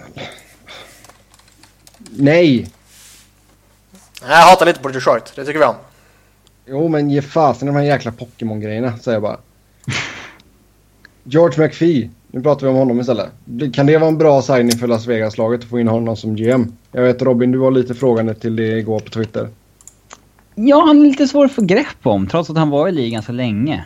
Uh, alltså han var GM i, i Caps i närmare 20 år. 15 år typ. Uh, och, eh, väldigt svår att få grepp om för han gjorde inte så mycket där. Han var ju väldigt, han var en väldigt passiv GM. Eh, och hur mycket kan liksom tillskrivas att han draftade Ovechkin och Bäckström, vilket liksom... Det ska inte ha cred för liksom, eh, att han gjorde. Eh, Det var väl inte jag- jag- så att han fyndade dem. nej, nej, nej. Eh, Det känns, ju, det känns ju väldigt givet att de skulle ta en, ja, en veteran så att säga. Ja, det är nog rätt också. Alltså, Bygga upp Ja, en hel organisation liksom. Det tror jag inte man kan göra med en... Inget ont om Shaika, han har inlett jättebra. Men jag tror inte du kan bygga upp ett helt lag från grunden med eh, någon som kanske inte har erfarenhet av att driva ett helt lag. Nej. Men eh, det är inte riktigt rättvist att hänga McPhee för det som hände i slutet i Washington där när han... Det kändes som han pressades lite till att liksom vara mer aktiv och liksom försöka få Washington på rätt bana igen och det ledde ju till någon coachbyten där som inte blev så bra och en viss Forsberg trade framförallt. eh, och det är, det, det är förmodligen den sämsta moven han har gjort i hela sin karriär liksom. Men... Eh, eh, han var ju ändå arkitekten bakom ett väldigt, väldigt bra Washington-lag. Sen vet inte jag mycket av det som ska tillskrivas Boudreau. För han har ju visat sig vara en fullständigt fenomenal coach. Mm. Ehm, så ja, han är lite svår att få grepp om. Mm. Men eh, logiskt val av Las Vegas. Las Vegas Wildcats. Wildcats lär det väl inte bli. Nej, ja. ja. Det vad, vad är det som Black Knights är på tapeten. Uh, Aces är på tapeten. Sen är det någonting mer tror jag. Jag tror att Foley sa att de hade tre. Las Vegas Pokémons? Då borde vi sparka ut dem ur ligan direkt. Ehm, så vi går vidare. Ser vi att någon spelare kommer gå till arbitration. Eh, 24 spelare valde att gå, eller valde att gå till uh, salary arbitration då. Sen kan man fortfarande förhandla fram tills det är dags då så att säga. Uh, ska vi bara gå igenom lag för lag eller? Ja, en del tämligen ointressanta spelare. Då. I Arizona så har vi Michael Stone. Ja, han är ointressant ju. Kän, känns det som att det blir fixat innan. Eh, stora, stora snacksen Tyson Berry i Colorado. Ja, vi- Datum satt 29 juli. jag tror inte att några stora kommer hamna i arbitration. Alltså om, nej jag håller med dig, men om någon stor kommer nå till arbitration så är det, är väl... nog Mrazek. Tror jag. I så fall. ja, det är den enda jag tänk- klubb... ehm, Ja, det är Club Elector ja. Ja, det är den enda spelande klubben har valt att gå till arbitration. men jag Då tänkte känns det ju som ändå som man vill hamna där på något vis. Ja. Eh, Ja. När spelare gör det, då är det ju liksom mot klubbens vilja och det sätter ju press på dem att signa. ja, och liksom när spelare gör det så är det ju mer en formalitet i typ alla fall. Mm. Grigorenko liksom. Mm. Men jag, jag tror att om man ska, någonstans ska peka på några spelare på den här listan då som, som kanske kan vara aktuella för det så tror jag att Tyson Barry faktiskt kan vara en sån. Just med tanke på att man fortfarande är lite vajsig kring eh, Avs ledning. Och eh, O'Reilly gick inte till arbitration när det var i samma situation den sommaren. Utan då signade han för två år. eh, Typ några timmar före ja. mötet skulle vara. Men jag, jag tror också, eh, ja, Braden Chen tror jag kan vara aktuell där också om man inte alls är överens om vad han ska kosta. Mm. Ehm, anna- 25 annars- juli är hans datum. Ja. Annars, eh, och sen Brasek då som ni sa där. Men eh, annars känns det som det är få som kommer, som kommer gå så långt. Alltså man, man vill ju undvika det till varje pris. För det kan ju bli, eh, ja, det kan bli väldigt smutsigt. Ja. Var det inte så att Ch- Chason förra sommaren... Klubben ville väl signa för en miljon och han ville väl ha typ 2,5 och så blev han tilldelad 1,1 eller 1,2. Där var, ja, där ägde klubben honom i arbitration. Eh, jag minns inte. Men det var ju, det var kul, det var ju om- det var någon... kul om det någon hamnat några i fall där. Ja. ja, det är ju skitskoj när sånt händer så länge det inte handlar om ditt eget lag. För det är ju en rätt smutsig process ju.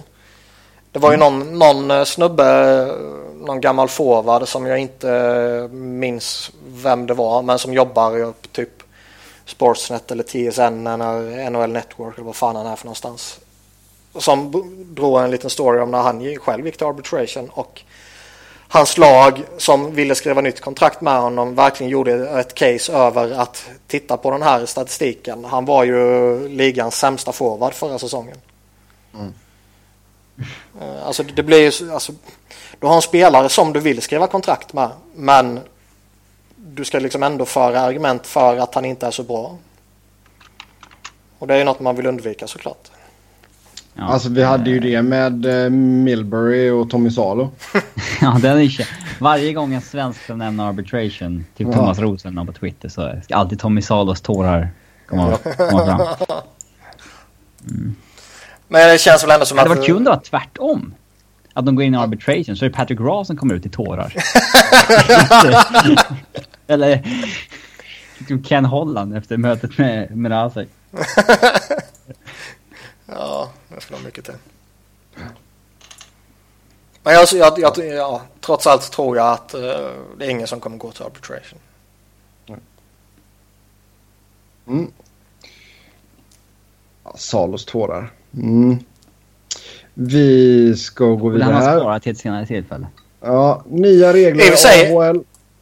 Ett Ja. intressant case faktiskt som jag inte tänkte på som, som David skrev i chatten. Det är ju faktiskt eh, Hoffman. Japp. För där har det ju varit... Det känns ju som att...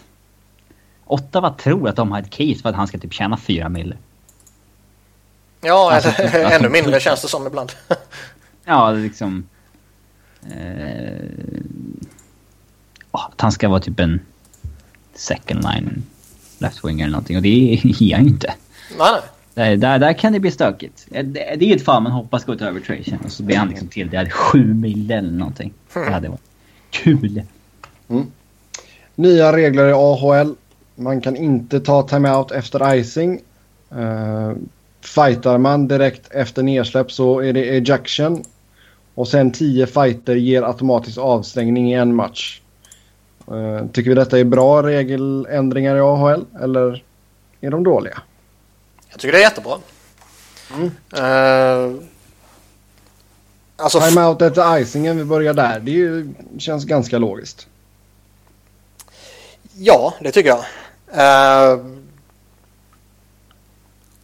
alltså, ja, det är det väl. Det, det är väl...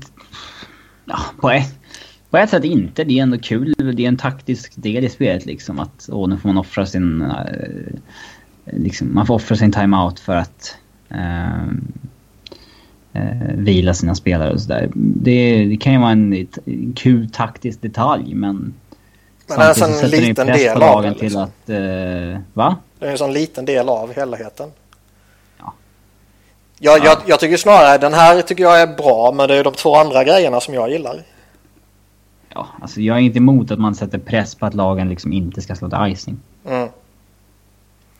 Men det, det är det här liksom att eh, ja, man slängs ut vid fight direkt efter nedsläpp tycker jag är jättepositivt ju. Ja. För de fighterna är ju oftast trams, trams ja. och helt omotiverade. Oftast har du ju typ du ska gå en fight för att du ska hämnas liksom för en tackling som den här snubben delade ut för fyra månader sedan. Ja. Uh, eller för att något som hände tidigare. Alltså det är en stage fight oftast. Det är väldigt, väldigt mm. sällan som... Uh... Eller helt enkelt att bägge enforcerna bara vill, behöver en fight på sitt CV så att de får ett nytt kontrakt. Ja, typ. alltså, ja. Du, slutar du fighta som enforcer så får du inga fler jobb till slut. Nej, precis. Eh, du måste ju komma upp ett antal per säsong liksom för att kunna fortsätta få dina kontrakt. Eh, det är ju... De... Men känns inte tio fighter ganska mycket ändå innan du får en avstängning? Man måste börja någonstans. Ja, jag tror det skulle bli... Eh, alltså det är väldigt få spelare som når upp i tio fighter på en säsong. Ja, det kan inte varit många i fjol. Nej. Och eh, att sätta gränsen där kommer ju inte röra upp någon upprorsstämning. Att Nej. sätta gränsen på kanske fem fighter.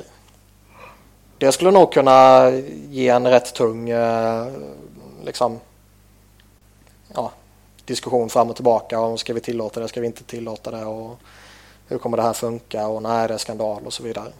Ja. Men tio fighter det, det är få som kommer över den siffran. Mm. Men jag gillar det också och det här är ett sätt att få ner på antalet meningslösa fighter.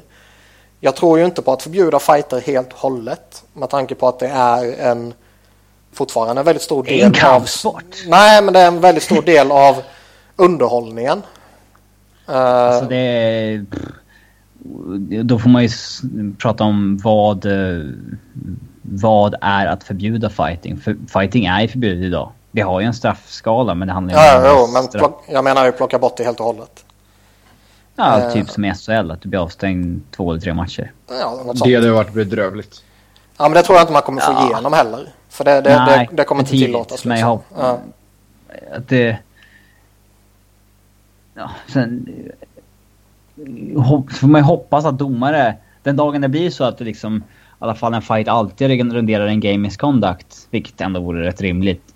Eh, så vore det bra om domare kunde få ha lite förståelse för att liksom om Jared Ball ger sig på liksom Landeskog eller någon och försöker få honom att fighta så att liksom en dom... Att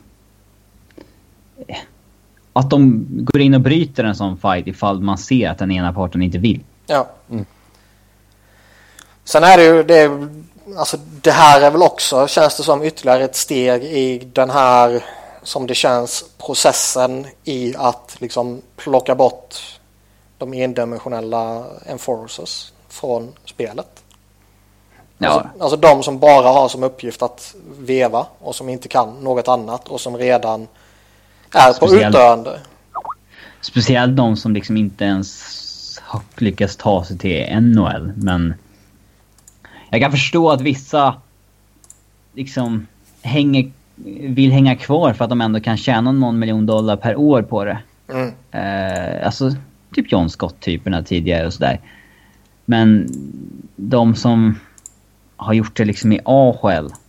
Mm det är liksom, där får man någonstans sätta en, försöka gå in och stoppa att det finns killar som liksom förstör sina liv för att liksom ta ett par smällar i ansiktet varje match i, liksom, i 10-15 år. Det är mm. så AHL enforcer som dessutom inte ens kommer ha några pengar efter karriären. Liksom, Nej. Som tack för vad du gjort liksom. Mm. Uh, nu är de tillbaka med lövblåsarna. Vi går in på lite lyssnarfrågor. Vilka lag är vinnare och vilka lag är förlorare så här långt under free agency? Uh, stor vinnare tycker jag var där Florida. Det är bara för att de blir bättre utan det blir väl de flesta som värvar spelare men... Uh, för att ja, de ändå får in spelare till, till rimliga priser också. Mm. Räknar vi bara in free agency eller räknar vi in liksom hela sommaren, off-season liksom? Tycker vi ska räkna in hela off-season. Det, blir, mm, det ger det. en mer rättvis bild. Mm. Ja, det är ju självklart är Nashville en vinnare. Uh, självklart är ju New Jersey en vinnare då, då av uppenbara skäl. Uh, vad har vi mer? Edmonton vinnare eller förlorare? För, förlorare. Ja, jag lutar åt det också. Även om man, om man bakar in helheten så är ju Milan Lucic kortsiktigt en bra värvning för dem. Yes. Men den där debatten är vidare ett lag en vinnare eller inte. Föreningens vinnare, man säger inte dåligt kontrakt, men de blev ju bättre nu. Mm. Det är den, den kan man ha många gånger. Mm. Uh, uh, Toronto är en förlorare tycker jag. Vilka sa du? Toronto. Toronto. Mm. Dels för att de missade sin stora fisk i Steven Stamkos. Och så att de betalade väldigt dyrt för Andersen. De, med Polak, Matt Martin och konstiga moves de höll på med. Don Cherry håller ju inte med dig. Ja, men... Ja. Nej.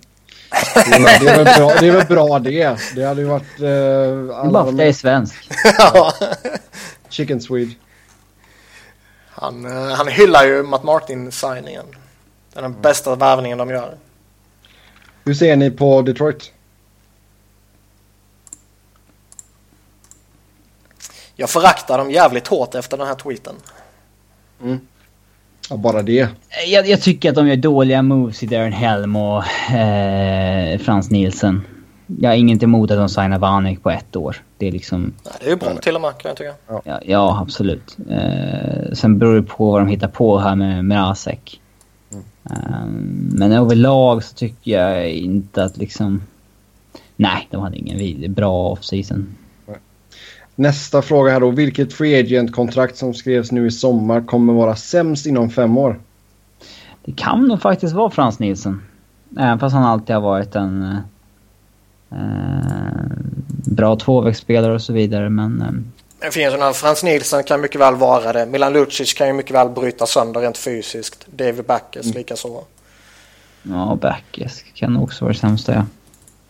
Backes har inte liksom varit någon enorm pro produktiv spelare heller. Mm.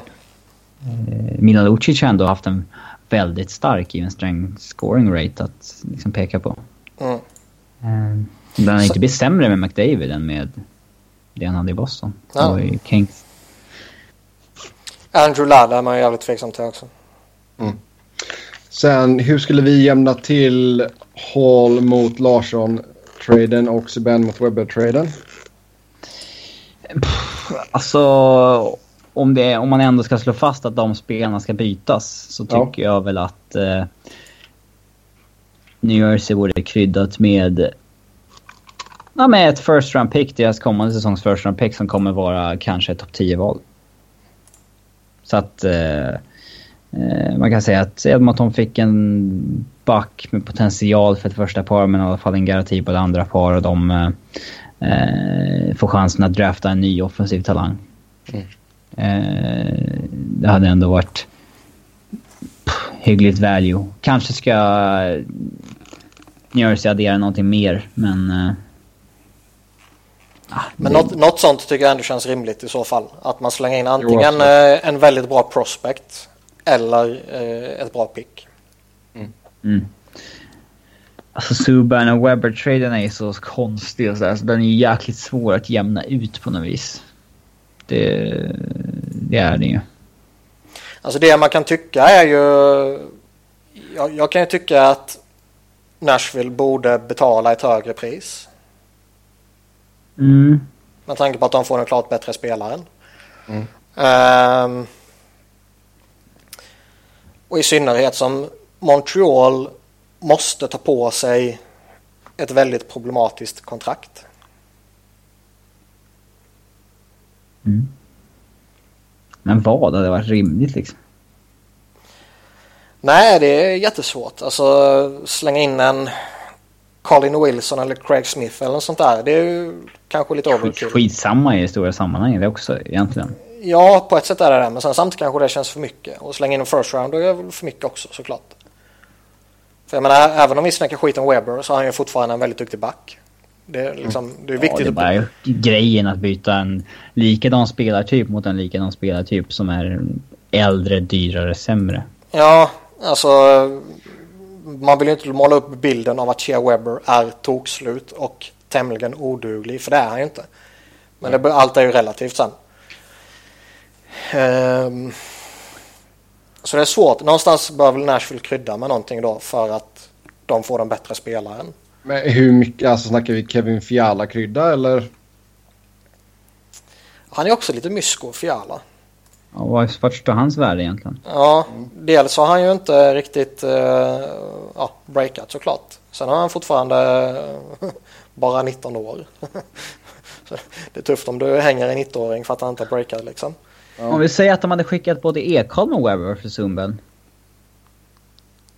Ja, det skulle varit lite mycket va? Ja, men de får en topp, alltså en absolut topp tre back i ligan. Mm. I utbyte mot två topp fyra backar. Mm. Sen är det så svårt. Ja, det är, sen är det svårt. Ja, det är svårt också för... Svårt att tacka nej dock. Ja. Men ja. Det blir så svårt. Webber och Kalle Järnkrok. Ja. Kalle Järnkrok. Kalle Järnkrok skulle jag inte ha några problem att slänga iväg. Men, det gör ingen skillnad direkt. Men det blir så svårt också liksom med, med tanke på Share Webber hur man värderar honom. Alltså Montreal är ju toknöjda med den här traden. Mm. Men det är ju bara för att de hatar Subban. Ja, jo. Och för att de tror att Webber är mycket bättre än vad han är. Ja. Mm. Uh, ska vi se, vidare går vi... Oj. Ja, nu ska vi göra våra listor här. Topp 5 och bottom 5 över ligans GMs och coacher. Mm. Och coacher. Okej, okay, mm. ja, om vi börjar med General Managers. Eh... Börjar man den bästa? Ja, det är svårt att sätta en kille nej, tre det, eller fyra. Ja, utan vi säger nej, de fem nej. bästa och de fem sämsta. Ah, fegt! Ja. Nej. nej. Jag har, ju, jag har ju två namn som jag tycker ska vara tämligen tokgivna på en topp fem-lista. Oavsett om man rankar eller om man bara slänger upp fem namn. Och det är Jim Nill och David Poyle. Mm. Jag tycker faktiskt att Visst var Iceman har vacklat lite mot slutet, men nu har han ändå rökt fredspipa med Dran, signat Stamkos. Han är ändå topp fem. Jag har med honom, men uh, det finns väl även case för att liksom, någon annan kanske ska in istället. Jag, jag tycker ju att Stan Bowman ska in också. Ja, han är svår att förhålla sig till. För Bowman, han, Tre visst han har... Ja. Ja, han, han, har, han, har gjort, han, har gjort, han har gjort mycket konstigt. Men han har också liksom att kunna hålla ett lag så pass slagkraftigt som han har gjort under så pass många år eh, under lönetakseran och med tanke på vissa av de kontrakten som han har att förhålla sig till. Mm. Sen har jag ju själv skrivit vissa av de här tveksamma kontrakten då också givetvis. Men jag tycker ändå att han ska in på en topp 5-lista. Mm. Mm. För att liksom skicka iväg så många bra spelare som han har tvingats göra. Även om vissa är suspekt utbyte såklart. Och ändå kunna hålla det slagkraftigt år efter år efter år. Det, ty det tycker jag han ska belönas för. Nu är det Bowman, Poyle, Nilla, Iceman. Vem, vem skulle vara... Jag tycker Jimmy. man kan slänga in Jim Rutherford också. Ja. Alltså, han plockas in till Pittsburgh med uppgiften att vinna kuppen och... Ja, men det är ett lyckat uppdrag. Ja. Mm. Han vann, Den... han vann kuppen i Keynes. Ja, men vad fan. Nej, nej. Den är inte godkänd. Då kan man ju fan säga Dean Lombardi också. Nej, han är ju kass ju. Han har ju vunnit två kupper under ja, men han har ju, ja, men han har ju satt eh, LA i fruktansvärd skit ju. Mm. Och kanske säger vi samma sak om Rutherford om fyra år. Jag, jag tycker inte Rutherfords track record över liksom 10-15 år är så pass bra att han... Eh, samtidigt så... Ron Francis har gjort det jättebra i Carolina. Eh, men liksom, hur kort period kan man ändå liksom slänga upp där? Jag, tycker, jag för mig att vi tyckte att både Kekkelainen och Bergevin hade ett väldigt lovande första år eller sånt där i sina... Men vi kör, top, kör vi inte topp fem just nu? Ja, ja, det är det väl. Ja, men man baserar ju ändå på vad de har gjort. Jimmy ska in där, sista platsen. Han kan vara klar femma, det kan jag köpa. Jag, kan, jag tycker att uh, det Cheval Dayoff i Winnipeg har gjort senaste 5-6 åren är bättre än vad Rutherford har gjort senaste 5-6 åren. Niklas, ja, det är... Eller? Nej, det är väl ett argument jag kan hålla med om. Men om man bara tittar på Pittsburgh-tiden så tycker jag Rutherford ska vara topp 5. Bra bägge två åren i Pittsburgh så hade jag nog inte kämpat emot så mycket men han gjorde mycket konstigt första året. Ja, jag, jag kan vicka mig för, eh, för det. Tim Murray förtjänar ju faktiskt att nämnas också. Även om man inte liksom har rosat marknaden i år med Kulikov-traden och sånt där. Fast typ Tim Murray och... Eh, vem var det mer du sa? Ron Francis och Ron Hextall. Känns ju ändå som att någonstans får de väl vänta lite. De är lite oprövade, ja. De, de, de har liksom... De har bara de, varit i en era av sina Ja, de har bara rader, eller raserat det de har liksom och börjat bygga upp och nu går de in i nästa session där de ska börja etablera någonting. Och det är och, nu man kan sälja sig liksom. Murray har ju lite tveksamheter. Mm. Alltså han har ju inte löst målsituationen. Att byta Myers mot Bogosian var kanske inte så bra. Nej, och Twin Kane har ju inte visat sig vara något geni. Nej, Evander Kane har inte blivit så lyckat har ja. Josh Georges-signingen visat sig vara så lyckad. Matt Monson-signingen har visat sig vara skit. Uh, mm. Mm. Ja, vi... Vet, han, han, kanske faller utanför topp 5 av den anledningen. Men jag ja. skulle ju sätta Chevaldeoff för uh, Rutherford. Ja, då tar vi Chevaldeoff och så går vi in på de fem sämsta. Uh, de självskrivna här, eller självskriven vi skulle ju bara sätta botten fem och inte sist, mm. men absolut toksist är ju Jim Benning. Det, han har, ja, men det finns ju ingen som konkurrerar med det, det, han, det han har gjort i Vancouver. Det är ju liksom... Man pratar om att alla GMs gör misstag och det gäller att ha... Se, se till så att man gör fler bra beslut än dåliga bara liksom. Att liksom, mm. om du gör tre bra grejer så gör du en dålig. Tre bra grejer, en dålig. Bennings ratio måste ju vara liksom kanske en bra grej och sen så sju dåliga. Alltså det har ju varit så usla... Ja, om inte ändå högre. Ja, alltså... Ja, Kessler-traden var rätt bra. De fick ganska mycket värde i förstahandsval. Visserligen Lucas Spisa tillbaka. Ja, för de Bonina och han dumpar dem iväg direkt mot uh, Ja, men den traden liksom. hade ändå okej värde. Ja, det håller jag med om. Eh, sen att de har pissat bort det de fick tillbaka, det är, det är en annan sak. Men eh, det är en move han gjorde bra. Okej, okay, gjorde han den. Eh, signade väl Bata på två år, var rätt, rätt bra. Men eh, sjukt mycket dåligt. Han är i alla fall klar sist och det finns liksom ingen konkurrens. eh, två är ju Kekkelainen. Ja, Kekkelainen är där också. Eh, jag, ty jag, tycker, ja, jag tycker Don Sweeney ska slängas in också. Han är, även om han inte gjort något galet på en tid nu så är han crazy. Mm. Mm. Jag tycker faktiskt inte Joe Sakic är på en bottom 5. Men det är bara för att han inte har någonting att säga till om. Det är bara för att han har titeln och det är Patrick Roy som bossar egentligen. Ja. Exakt. han har, faktiskt varit uh... otroligt... Uh, men första åren när han kom in var han ute och svingade mycket liksom om att man måste drafta på ett visst sätt liksom och... Uh, han har inte gjort en enda intervju sen säsongen tog slut typ. Börjat alltså, han har inte... Eller någonting. Eh, jag, tror, jag tror han har tagit den lite mer tillbakaskjuten roll. Men tittar man på... För när Ra kom in så var ju snacket att Ra kommer hantera trade talks men Sherman kommer vara eh, officiell GM fortfarande.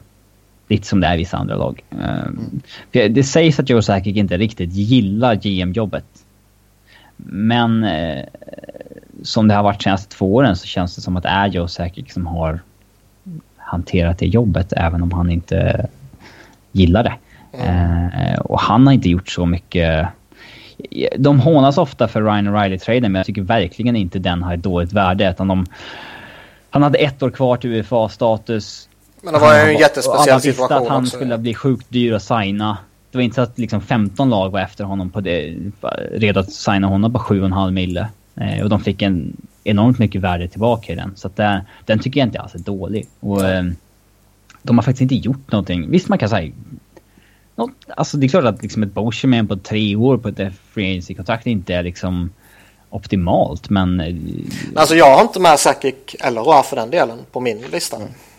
Nej, eh, så de... Nej, de, det är klart att de ändå är på den undre halvan. Ja. Nej, jag tycker, jag tycker inte att de har gjort tillräckligt mycket dåligt sen. Hur... Ja. Uh, nej, jag håller med dig. Hur ska man förhålla sig till Bob Murray? Ja, den är också klurig. Han verkar ju vara fullkomligt galen. Mm. Han verkar ju liksom ha varit en bluff länge. Men... Eh, liksom... Bland de sämsta fem, det är liksom ganska hårt. Ja, alltså, det... Men det, fin det finns ju några, jag har ju, vad har jag, liksom åtta namn tror jag.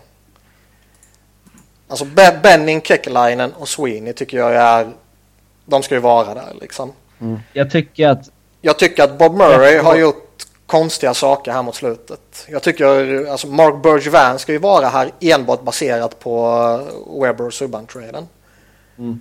Och hans mm. kommentarer om den liksom. Peter Chiarelli ska ju vara här enbart baserad på Larson Hall-traden. Ja, Chiarelli har faktiskt gjort en del annat konstigt också sen han kom till Edmonton. Ja. Alltså, han dängade ju på ett förstahundsval för Griffin Reinhardt det första mm. han gjorde. Ja. Alltså det var en jättekonstig trade. Mm. Uh, jag tycker Ken Holland har tappat som fan mot slutet också. Men frågan ja, är om han ska han, vara bottom five liksom. Det känns som att han inte riktigt har hanterat lönetagseran på ett bra sätt. Mm. När den kom in i spel då hade de redan Datsuk och Zetterberg. Eh, hans jobb att försöka retoola det här laget har inte varit bra. Men det är jävligt svårt att hänga en GM som har typ 40 raka slutspelssäsonger. Mm. Det, är, det är väldigt svårt. Uh, jag tycker att Jeff Gorton i Rangers förtjänar att vara med på listan baserat på vad han har gjort sedan han tog över. Uh, slash Glenn Sader, vem fan det nu är som bestämmer. Men Rangers... Fast det, ja... Han kom in i en jävla sitt Gorton ändå. Rensa upp men... Southers jävla skit. Mm. Uh, den tycker jag är lite hård, bottom five tycker jag. Mm. Uh, vidare går vi. Har vi ens kommit fram till någonting? Ja, vi har lite namn där. Vi behöver inte spika. Doug Armstrong förtjänar kanske närmast vara något sämre också. Vem sa du? Doug Armstrong kanske. Mm. Uh, ska, vi, ska vi fortsätta uh, köra listor? Listor? Mm. Vi har fått en till fråga här. Tio bästa spelarna på varje position. Jag är inte klara med coachen än. Nej. Nej, just det. Åh, oh, gud. Har du bråttom idag eller vad håller du på med? Åh oh, nej! Oh. Oh. Nej då. Över till coacherna, den glömde jag faktiskt. Jag sa väl för några podden att det liksom finns kanske fem coacher i ligan som sticker ut som bra, fem som sticker ut som dåligt och resten är typ ett mittenskikt som bara mm. kan liksom shuffla runt. Och så det så. Fem bästa och fem, fem sämsta är en ganska bra, eh, bra uppdelning. Ja, dunka ut dem här nu då. Klara kandidater på bästa listan är ju Mike Babcock, Bruce Boudreau. Uh, Barry Trotz ska jag med. Ja, Barry Trotz givetvis. Jag tycker John Cooper får man nog slänga in också.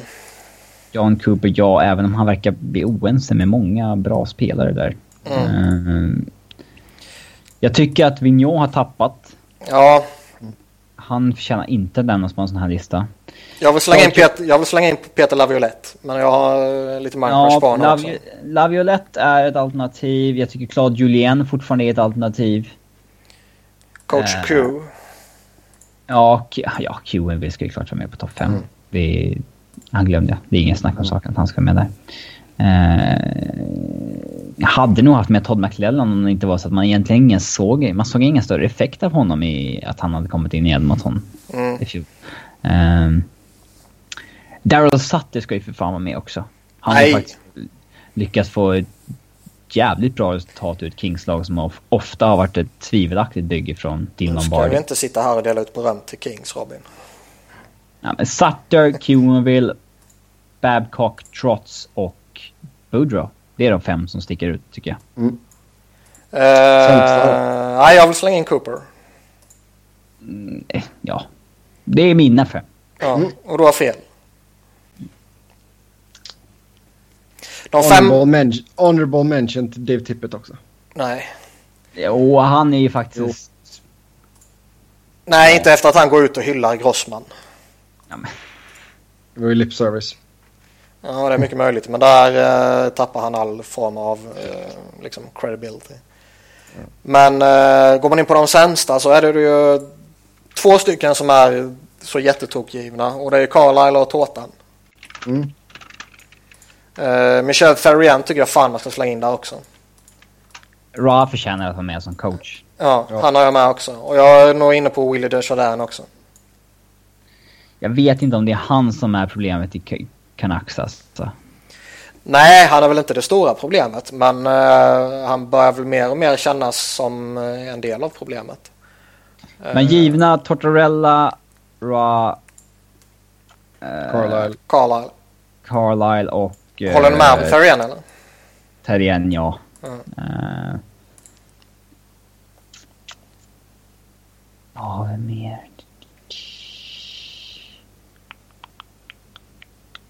För övrigt kan vi säga att det är lite tidigt att sätta Mike Sullivan på en topp 5 över coacher. Även fast det Mm. verkar ha varit sjukt bra. Ja. Det han gjorde i Pittsburgh. Men... eh, Kass coach. Det finns fan fler än fem bra coacher. Peter DeBoer förtjänar ju nämnas också. Eh, Ja. Sämsta fem. Zetterberg kanske? ja. Vi stryker Willie Desjardins från listan och sätter in Henrik Zetterberg tycker jag. Ja. Vad har vi mer? Det är... Jag tycker inte så här Vigneault förtjänar att nämnas på liksom en sämsta lista. Det är... Nej, det håller jag med om.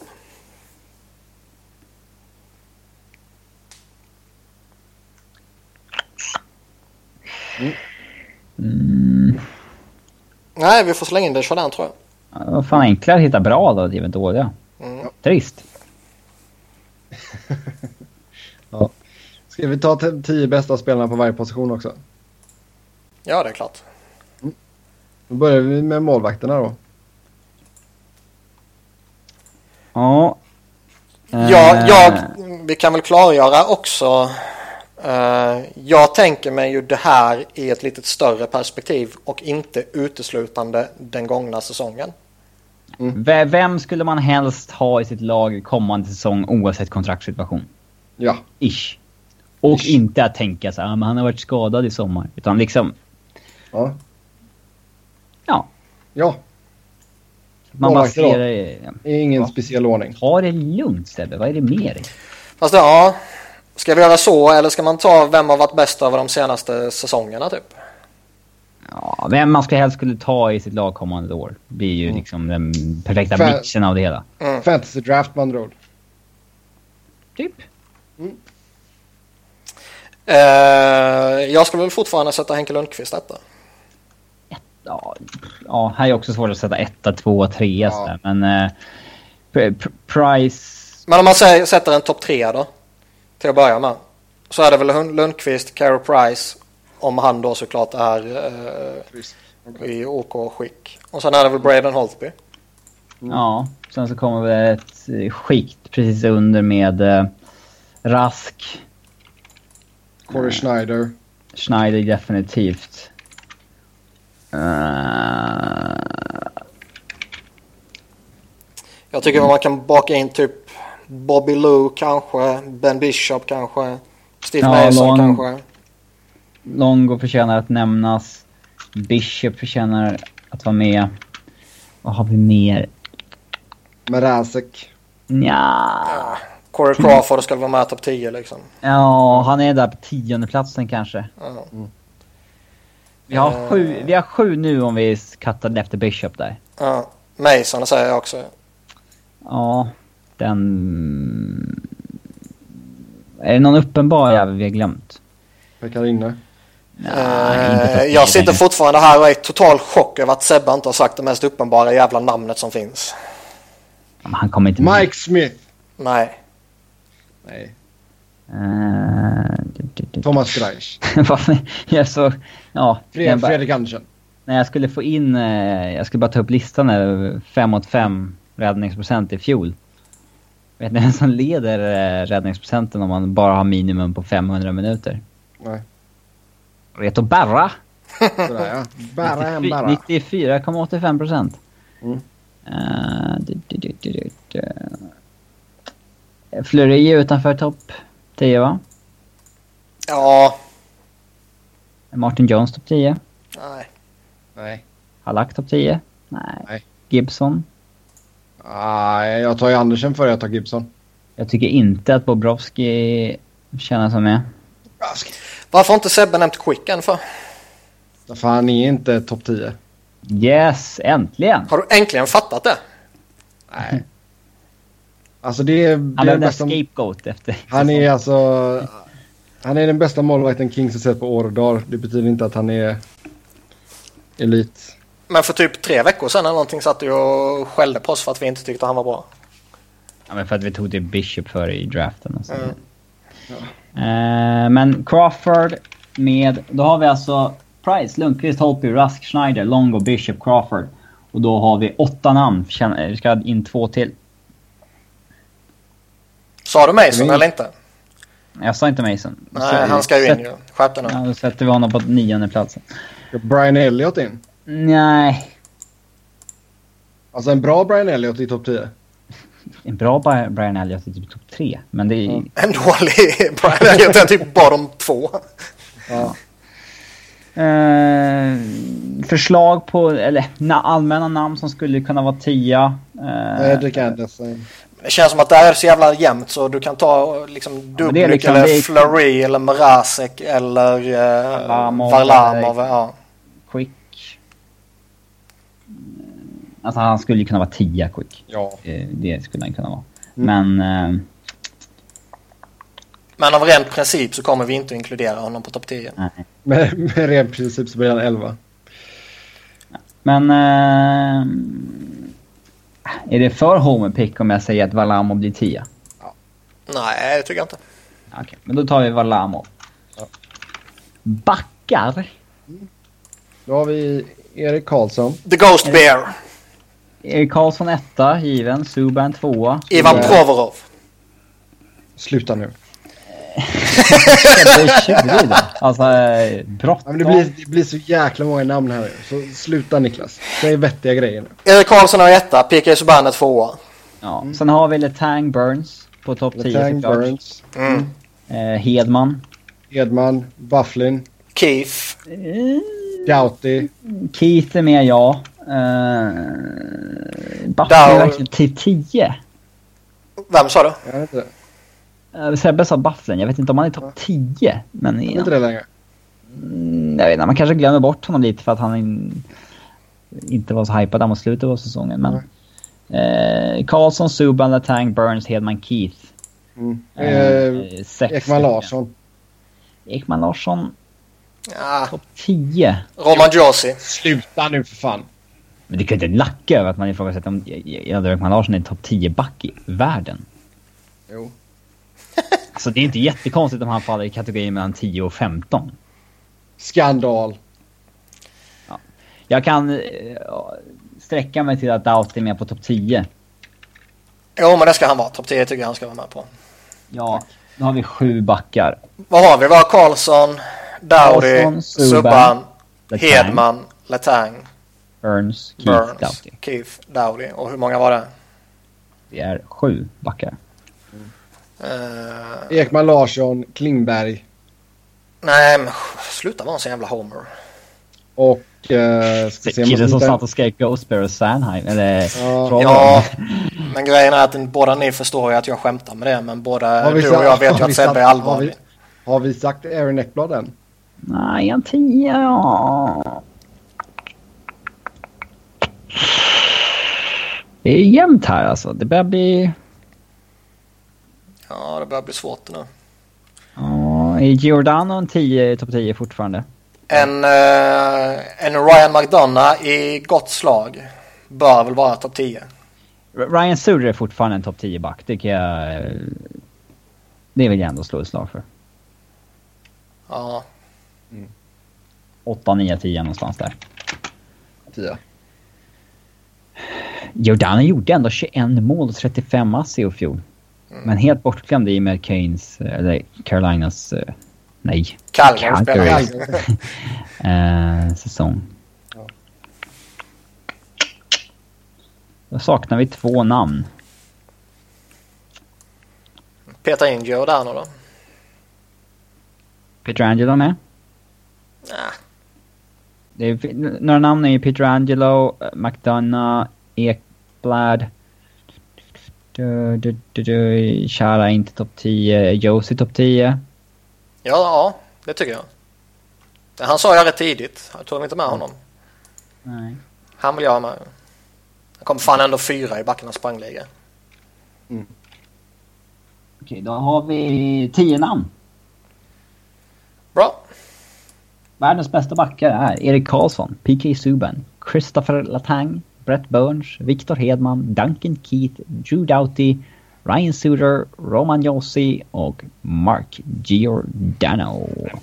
Fan. Och sen The Ghost Bear på 10B. Nej, det är löjligt att inte Ekman Larsson är före Giordano. Det är ju skrämmande. Inte alls.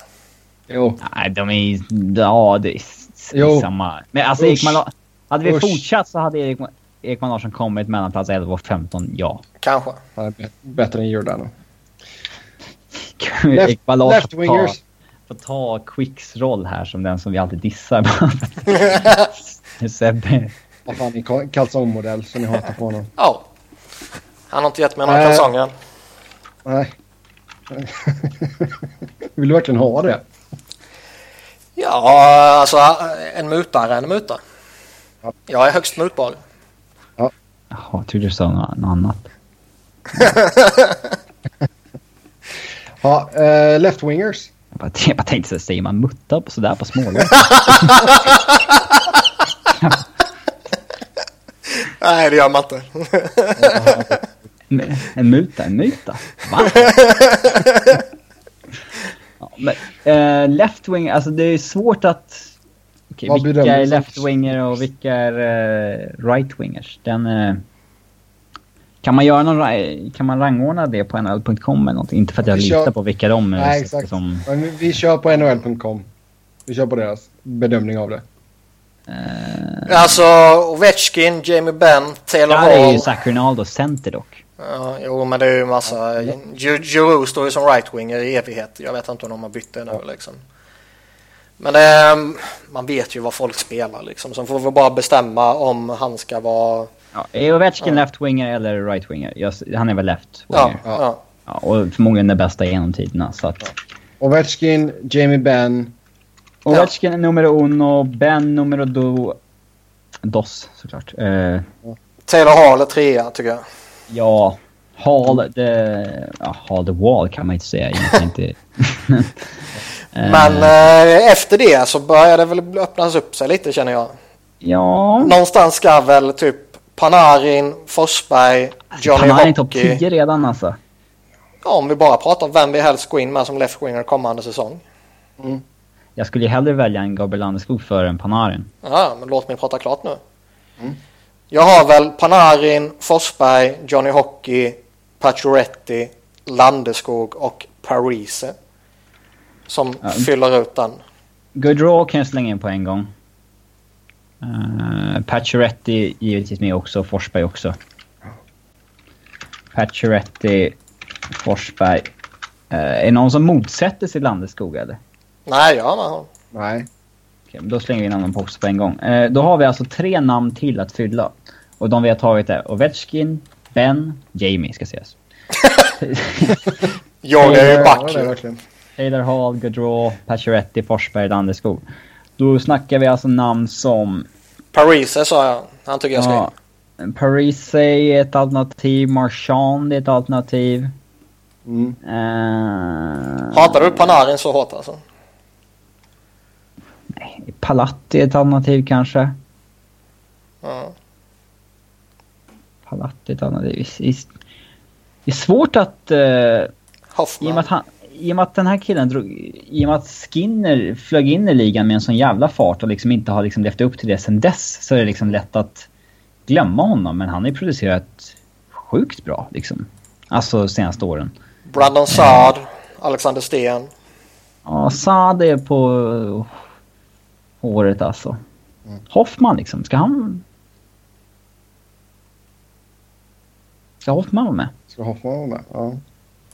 Kanske. Ska, alltså, Men det- ska det- det är svårt ska att Milan, vi- Milan Lucic vara med? Nej. Nej, det ska nog inte. Min, min lista som de inte har med ännu är ju Panarin, Parise och Marchand. Panarin slänger vi in. Mm. Eh, Ja, Marchand ska väl med också.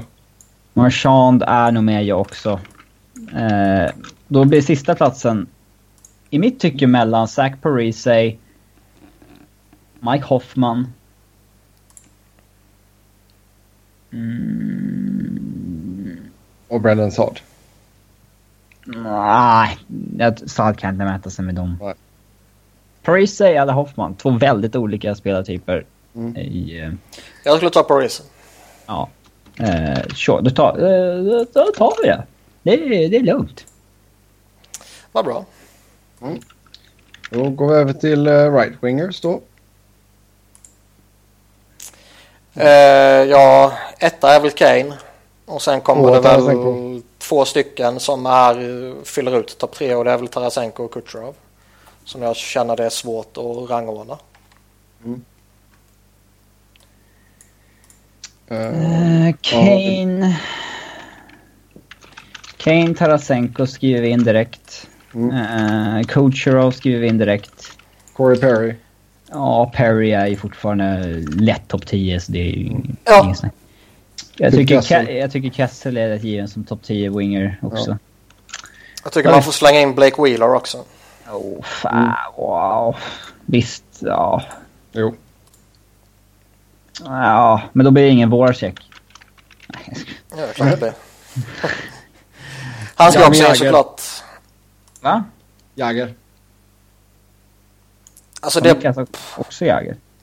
ja, alltså Jagr är jävligt svårt. Om man bara men snackar vem man helst går in med kommande säsong. Så är ju Jagr ett sjukt jävla frågetecken. Pratar man vilken right-winger som har varit bäst de senaste typ två eller tre åren. Så tycker jag ju absolut att Jagr kan vara aktuell för en topp 10. Sen, senaste 20 åren. Ja, genom tiderna för fan. Det är lätt, det är Men- lätt att glömma Marian Hoss också i och med att han hade rätt svag säsong i fjol. Mm. Eh, och det kanske gör så att han hamnar utanför topp top 10. Eh, Ja. Faktiskt. En sån som Kan, eh, Zuccarello tycker jag ju faktiskt, ja, jag tänkte säga det. Han tycker jag ju faktiskt nästan ska in. Då slänger vi in Jager och Zuccarello. Ska vi verkligen ta med Jäger under rådande Han kan, förutsättningar? få- han kan väl få vara nummer 10. Ja, men, det ska inte vara något trams här. Vi ska ta ut de bästa. Ja. Eh, Alltså ska man bara ta spelaren som du allra helst vill gå in med kommande säsong så är jag ju tveksam till Jäger på en topp 10. ja, kanske. Mark Stone och Poso. Eh, Ja, alltså James Neal, Wayne Simmons. Voracek. Ja. ja Voracek ska ju in såklart. Ja. Jo,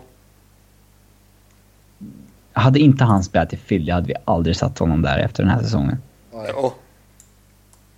Nej. jo, Det finns inte en chans att vi hade gjort det. jo. Det var ni två som är sådana orimliga haters. Hade Bobby Ryan gjort 22 mål och 34 assist i uh, Philly, då hade vi haft med honom.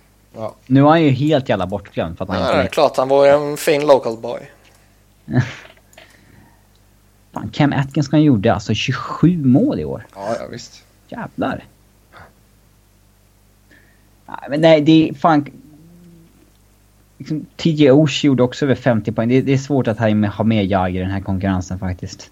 Och Eh, Poso. Och Poso kan ta Jagers plats. Louis Eriksson. Nej. Han gjorde inte så 30 mål förra säsongen. Det är korrekt och bra tvåvägsspelare, men, men han har samtidigt haft en del dåliga säsonger bakom sig också. Ja, han är lite osäkert kort. Även om jag... Jag skulle ju hellre ta James Neal för Louis Eriksson. Han är säkrare kort. Ja, det håller jag nog med. Han är the real deal. Kan vi kuppa in Wayne Simmons på något vänster? Alltså han är inte tillräckligt bra. Han är skön. ja, det är min analys. Han är inte tillräckligt bra. Ja. Ja, men han har inte hela paketet riktigt för att kanske vara en topp 10-winger. Eller? Men du vet... Det är klart att Voracek är ju före Simmons i så fall. Mm. Även fast Simmons gjorde 32 mål och Voracek 11. Mm. Fast du, har, du vet ändå att du, du kommer få... Hatbrev. Ja. Men du kommer få kring 30 mål av Simmons. Det har han visat. Liksom. Ja. Och du kommer få 50-60 poäng. Mm. Skulle jag välja mellan Neil och Simmons skulle jag nog fortfarande ta Neil. Powerplay-specialisten. Mm. Men vad har vi? Vi har Kane, Tarasenko, Kucherov, Corey Perry, Phil Kessel, Blake Wheeler, Zuccarello, Jake Voracek. Och det blir åtta. Vi har, ja... Nej, vänta. Jag har skrivit upp åtta namn och jag har inte skrivit upp Voracek. Nej, men det är för att du är en hater. Vem är det du inte hade med som jag har med? Jag vet inte. Zuccarello, Wheeler... Oposo eller? Kan, uh, ja. Okej. Okay. Mm. Oposo ska in. Okej, men då sätter vi upp våra check som nummer nio. Då får du skriva upp Oposo. Eh, då har vi en plats kvar. Mm. Jaromir Jagr. Mark Stone, James Neal, Wayne Simmons, Jaromir Jagr, TJ Oshie. Vadå, inte Neal med redan? Nej, jag, eh, nej, det är inte med den. Ah, okej. Okay. Ja, men det, vi slänger in the real deal. det är väl Simmons eller Neil och... Jag skulle välja Neil av de två faktiskt. Ja. Det skulle inte jag. Det hade inte jag gjort. Det är en personal preference från er. Ja. ja, det har jag inget emot att erkänna. Ja. Snackar vi om vilka som är bäst då... Då, då har ju vi rätt. Ja, då är Neil snäppet före. Mm, då går vi in på centrarna. Nummer uno. Mm. Då har vi Crosby. Crosby ja. Kommer ni ihåg att vi gjorde en topp 12 för uh, typ två eller? Nej. Nej, det kommer jag verkligen inte ihåg. Nej, det var typ, uh, det kan ha varit tre månader sedan kanske. Två månader, precis innan slutspelet, något sånt där. Okay. Fick, vi en, eh, ja, fick vi en lyssnarfråga över uh, de tio bästa centrarna och vi gjorde topp 12. Okay. Som, jag sitter på, som jag sitter på här framför. Oj, så det resonerar, ja. Ni kan ju resonera er fram så har jag vad vi tyckte för tre månader sedan. Så har okay. se hur mycket vi har svängt i. ja, exakt. Okej, okay, men Crosby. Crosby är given. Ja, Joe Thornton. Thornton är given. Pavelski. Nej. Eh, Kopitar är given, Sagan är given. Alltså det är många första centrar i ligan Sebbe. Pavelski kommer inte med på en topp 10-lista. Kommer Pavelski inte med på en topp 10-lista? Nej, nej, nej, inte... Han kommer inte ens med på topp 12! Herregud. Ja, men alltså, förstår du hur många bra centrar... Ja, jag vet. Det finns många bra centrar. Ja, Tavares är med. Uh, Bergeron är såklart med. Mm, Bäckström.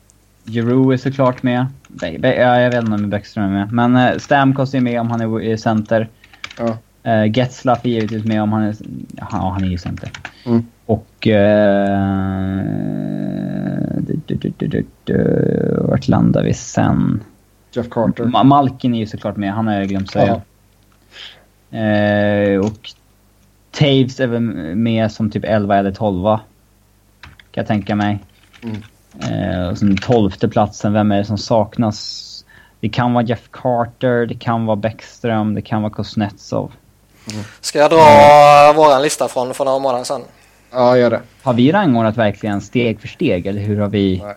Jo, vi rangordnar då. Ja. Uh, men vissa platser, alltså är han sexa eller sjua, det blir lite för ja, mycket. Ja. Men vi hade... Skulle vi ha en topp 12 nu så kommer dock McDavid med som 12 Ja. ja, minst 12 faktiskt om vi ska ja. vara riktigt ärliga.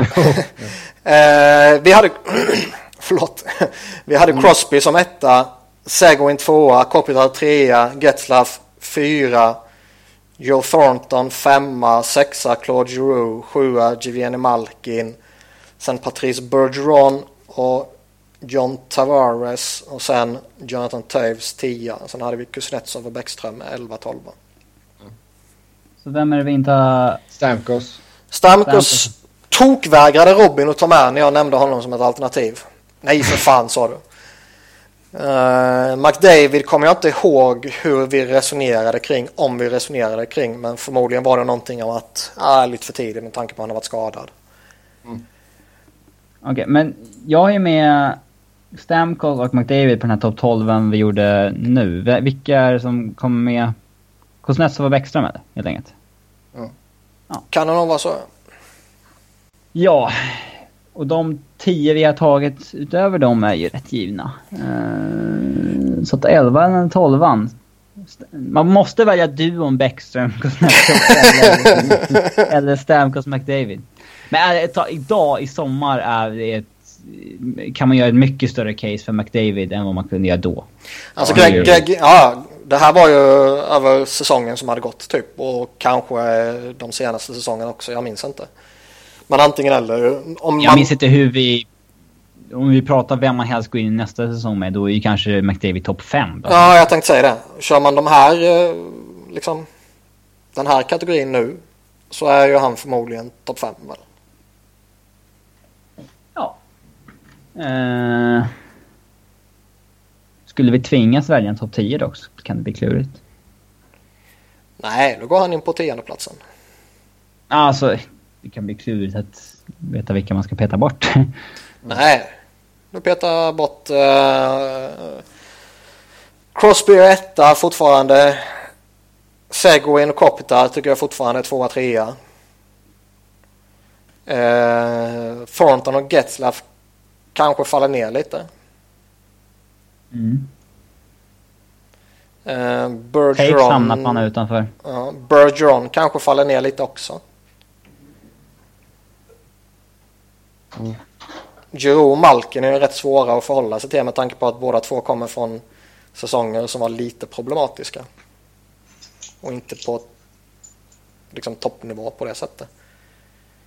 Uh, Kuznetsov ska väl klättra då känner jag. Och McDavid ska väl klättra då också som sagt. Uh, har vi några mer roliga vi glömmer? Om man bara pratar inför nästa säsong. Alltså inför nästa säsong, det är egentligen bara McDavid som är den stora...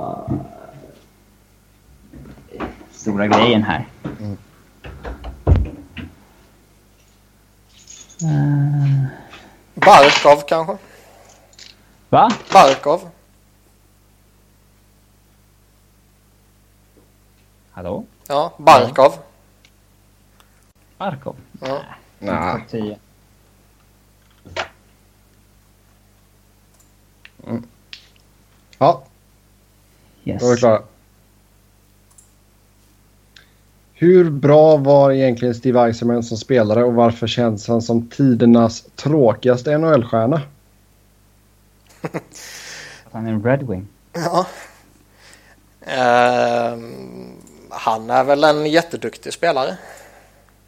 Han Eller han var, rättare sagt. Ja, fan vad bra var. Jag tror inte han skulle vara så bra om han spelar nu. Nej, det är sant. Ja. Men alltså... No, no, jag fick besök nu. Kan vi, eh, kan vi hoppa Avalanche-frågan till mig? Till nästa vecka? Uh, nästa nej, vecka? du kan få ta den nu innan vi går. Eller innan du går. Ja. Jag och Niklas ska prata oss varma om Iceman om en liten sekund här. Så då ska Robin få sin fråga här. Niklas och Sebastians passion kring sina lag är tydliga. Men hur passionerat fan är egentligen Robin om Colorado? Jävla plastsupporter. Om de vann kuppen, hur stor skulle glädjen vara mellan 1 och 10? Där 10 är gråt av lycka och 1 är lågmält konstatera att det är konstigt att de vann med sina dåliga Corsi-siffror. Till början med ska man säga att Sebbe är inte alls särskilt passionerad supporter som eh, frågan antyder. eh, han är ju minst lika passionerad kring Arizona som han är med Kings. Eh, och de två gångerna... Slå inte ifrån dig här nu. De två gångerna Kings har vunnit kuppen när vi spelat i en podcast har inte direkt varit någon klang och jubelscener från Sebbe.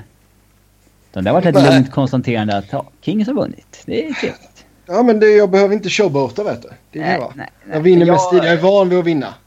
jag, jag, jag vet inte hur jag ska rangordna eh, potentiell... Eh, men det är väl liksom så här, det är inte så här som att det är, det är Djurgården liksom som man har vuxit upp med från när man var jätteliten så.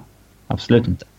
Utan det är mer att Ja, du har ju större Eh. chans att Djurgården vinner SM-guld igen än att Colorado vinner kuppen. Oh! det är väl jämn... Shots fired! det är väl jämn... Eh, Bra? Ge, ge dig några jabbar här nu med att du måste gå. Bra. Niklas, kom igen nu. Eh, jag tycker väl också att frågan är lite konstigt ställd för jag har ju inte heller upplevt dig som sådär superpassionerad eh, just när vi pratar efter, eh, och inget ont om dig så, det är inte det jag menar. Men när vi pratar efter uh, Stanley Cup-segrar så skulle jag ju sitta och vara så jävla odräglig om jag skulle, eller om Flyers skulle vunnit. Ja, men det är ju det. det är, jag klass, vet du. Ja, alltså det funkar inte på det sättet. Nej. Ehm. Men jag upplever väl inte Robin som liksom tveksamt passionerad. Nej, däremot så är han lite av en pessimist, tror jag. Ja, men det är ju trams att liksom... Eh, liksom man ska alltid vara ärlig, inte så här. Det är roligare att vara positiv till det som är på gång. Ja, nej, sånt där Kanske i, kon- i, i, i vanliga livet så är det väl bättre att försöka vara positiv till det som händer. Men inom, Inom supporterskapet. Ja, så liksom, ser det inte bra ut så ser det inte bra ut. Och det finns det ingen anledning att liksom hypa upp saker och ting och liksom få bygga upp förväntningar på något som inte kommer hända. Nej. Så en trea då. Ja. ja, Ja, det är bra. Då säger vi tack och hej till Robin för den här gången. Yes. Ja. Hej då. Hej då. Ja. Ja du Niklas. mm, Iceman. Mm. Eh, någonstans så tycker jag väl att tittar man på alltså typ tidernas poängliga Mm. och du är där alltså i toppen där då så är väl det väldigt talande. Ja, alltså Axman var en grym spelare. Sen hade han ju sin, alltså sin absoluta peak när han var ett offensivt monster. Det var ju innan våran tid. Han bytte ju lite, eller lite, han bytte ju spelstil ganska saftigt. Under, alltså, han var ju fortfarande producerade på en jävligt bra nivå. Ja, Mm. eh, eller så var han helt enkelt eh, förbi sin prime och att det inte var så att han aktivt bytte. Det där tror jag är, alltså ja. Jag är född 85 så det är inte så att jag har sett hans prime och varit liksom delaktig i hans prime. Men eh, någonstans så är det väl lite en kombination av det här att han faktiskt eh, anpassade sig. Eh, och på ett sätt är det väl en efterhandskonstruktion där man försöker romantisera någonting. För han pumpar ju in 155 poäng säsongen 88-89. Ja, ja, alltså eh, han hade ju några riktigt starka säsonger där. En bra bit över 100 poäng och några säsonger med strax över 100 poäng. Och, Han hade sex, sex liksom- raka säsonger med över 100 po- pinnar. Ja, och även när han gick ner så där lite i mitten på 90-talet så var det ju fortfarande så att han gjorde några säsonger med eh, över 80-90 poäng liksom. Och Mm. däromkring. Ja, 93-94 gjorde han 82 poäng på 58 matcher. Ja. Sen är det ju alltid svårt lite sådär att eh, han fick ju några säsonger sönderslitna med skador och hela det köret och i synnerhet på slutet så var det ju väldigt eh, eh, ja, tråkiga säsonger han hade. Ja. Men absolut en... Han är en av de största. Måste han väl nästan vara va? Ja, alltså ligger du sjua i tidernas poängliga så har du Ja. ju inte bara flamsat dig fram eller hängt med på en duktig center eller bara spelat sjukt, sjukt, sjukt många matcher. Mm. Det här kan vi ju snacka om. Det, han, var ju, han är också hyllad som en ledare av yttersta världsklass. Men det där är också lite roligt för i princip alla som nämns som de bästa ledarna är mm. ju också de bästa spelarna. Mark Messier. Ja, han är också en av de bästa spelarna till exempel. Men alltså hålls inte Mark Messier som en bättre ledare än till exempel Wayne Gretzky dock? Var Wayne ja, Gretzky men... verkligen en grym ledare? Ja, ingen aning. Men det kan ju lika, vara, lika gärna vara en konstruktion så här i efterhand att eh, ja, Edmonton lyckades vinna även när Gretzky försvann. Då kanske Messier är den stora ledaren hos dem. Mm.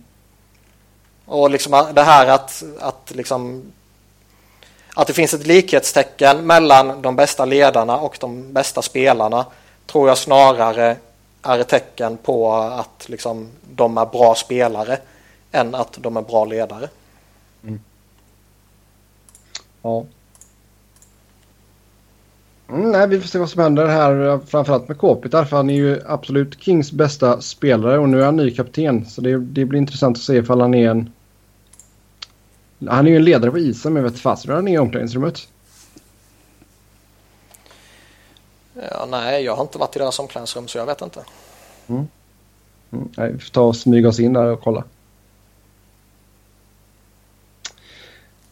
Vi håller oss till Detroit Red Wings lite. Hur ska Red Wings spela Larkin och uh, Athanasio?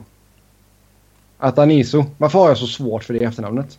Ja, det är ju inget mänskligt efternamn. Jäkla grek. Double A kallar vi honom. Ja. Um...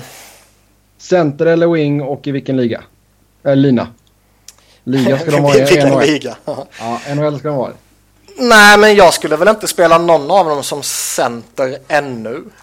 Mm. Och det är väl till stor del baserat på att jag nog skulle föredra Zäta och Nielsen som topp två centra. Ja. I ett kortsiktigt perspektiv då. Mm. Uh, och sen skulle jag väl spela Larkin på uh, vänsterkanten med uh, förmodligen Z. Mm. Även om Z kommer ha problem att hänga med honom. Men det kan man ju säga om väldigt många i ligan. Ja, jo. Uh, double A skulle jag väl också lira som winger då såklart. Men jag skulle nog inte slänga in dem i samma kedja. Frågan är Nej, om han ska spela topp 6 också. Jag vill nog nästan sätta Nyqvist med Z och, och uh, Larkin. Mm. Och sen som sagt frågan är om han är topp 6 också. När du ska slänga in, uh, testa Vanek liksom mot Tatar och du har ju både Abdelkader och Darren Helm som man aldrig vet vad Detroit får för sig att hitta på med. Ja, det är sant. Mm. Drew Miller. Mm.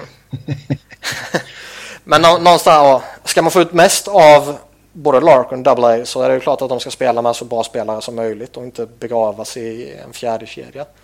Nej. Samtidigt kan det vara väldigt, väldigt effektivt att ha eh, en sån som honom i en fjärde kedja till exempel.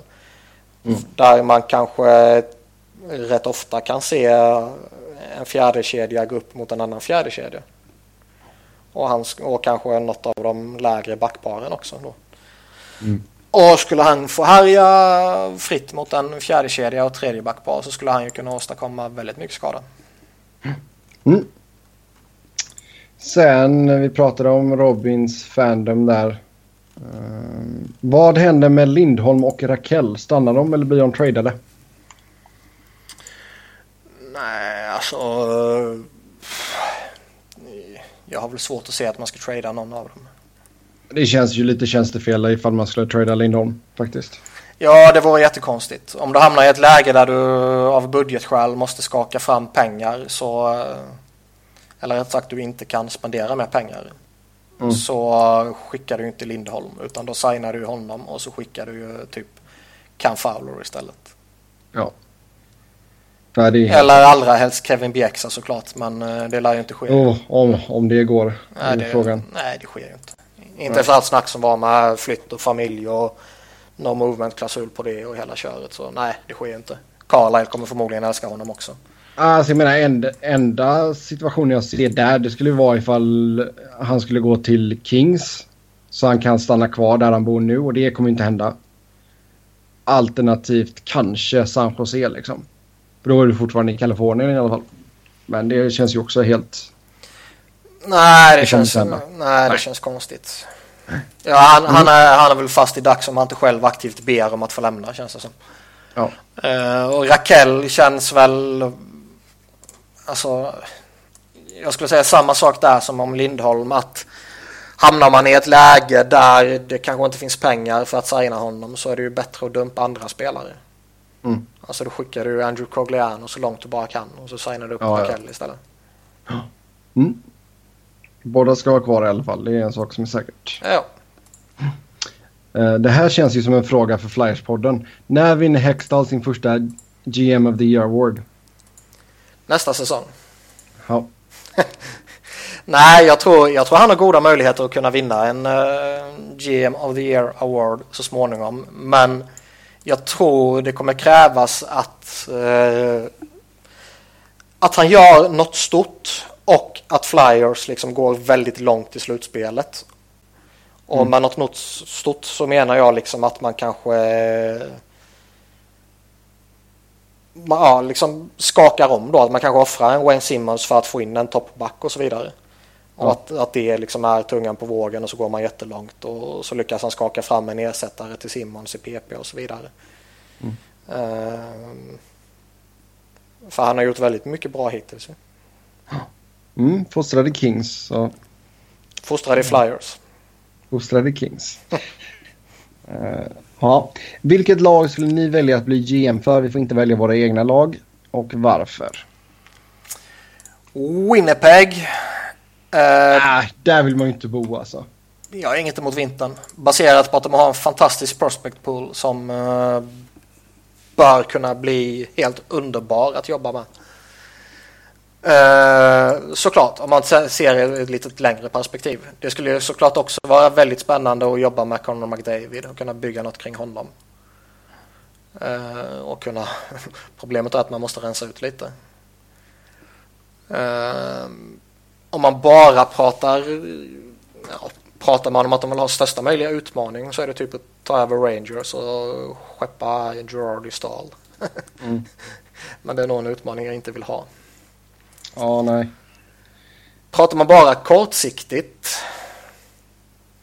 och liksom, ja, man ska, man ska ta ett lag och så ska du vinna nu. Mm. Så är det väl typ Tampa kanske. Ja, Tampa alltså, känns ju nice. Det är ganska de, bra de, klimat. De ju... alltså, jag, jag tänker ju på helheten här nu. Jag tänker ju klimat och eh, alla sådana grejer. Och Tampa, klimatet, visst det är lite fuktigt. Men ingen inkomstskatt. nej, det är en fördel. Jag, tänk, jag, jag, tänkte, jag tänkte ju bara sportsligt. ja, nej, jag kör helhet här. Så Tampa, absolut. Florida är också med på den listan på grund av de grejerna. Um, Chicago verkar ju, alltså det är en jävligt cool stad. Många jävla rötägg i det jävla laget dock. Ja. San Jose. Uh, fast då skulle jag ju aktivt vilja förlora. Uh, men det är bra helhet där också. Du kan, kan flytta in, du kan bo, du behöver inte bo i San Jose, du kan flytta till San Francisco. Mm. en glad fruga också. mm, exakt. Då har vi släkten nära också. Mm.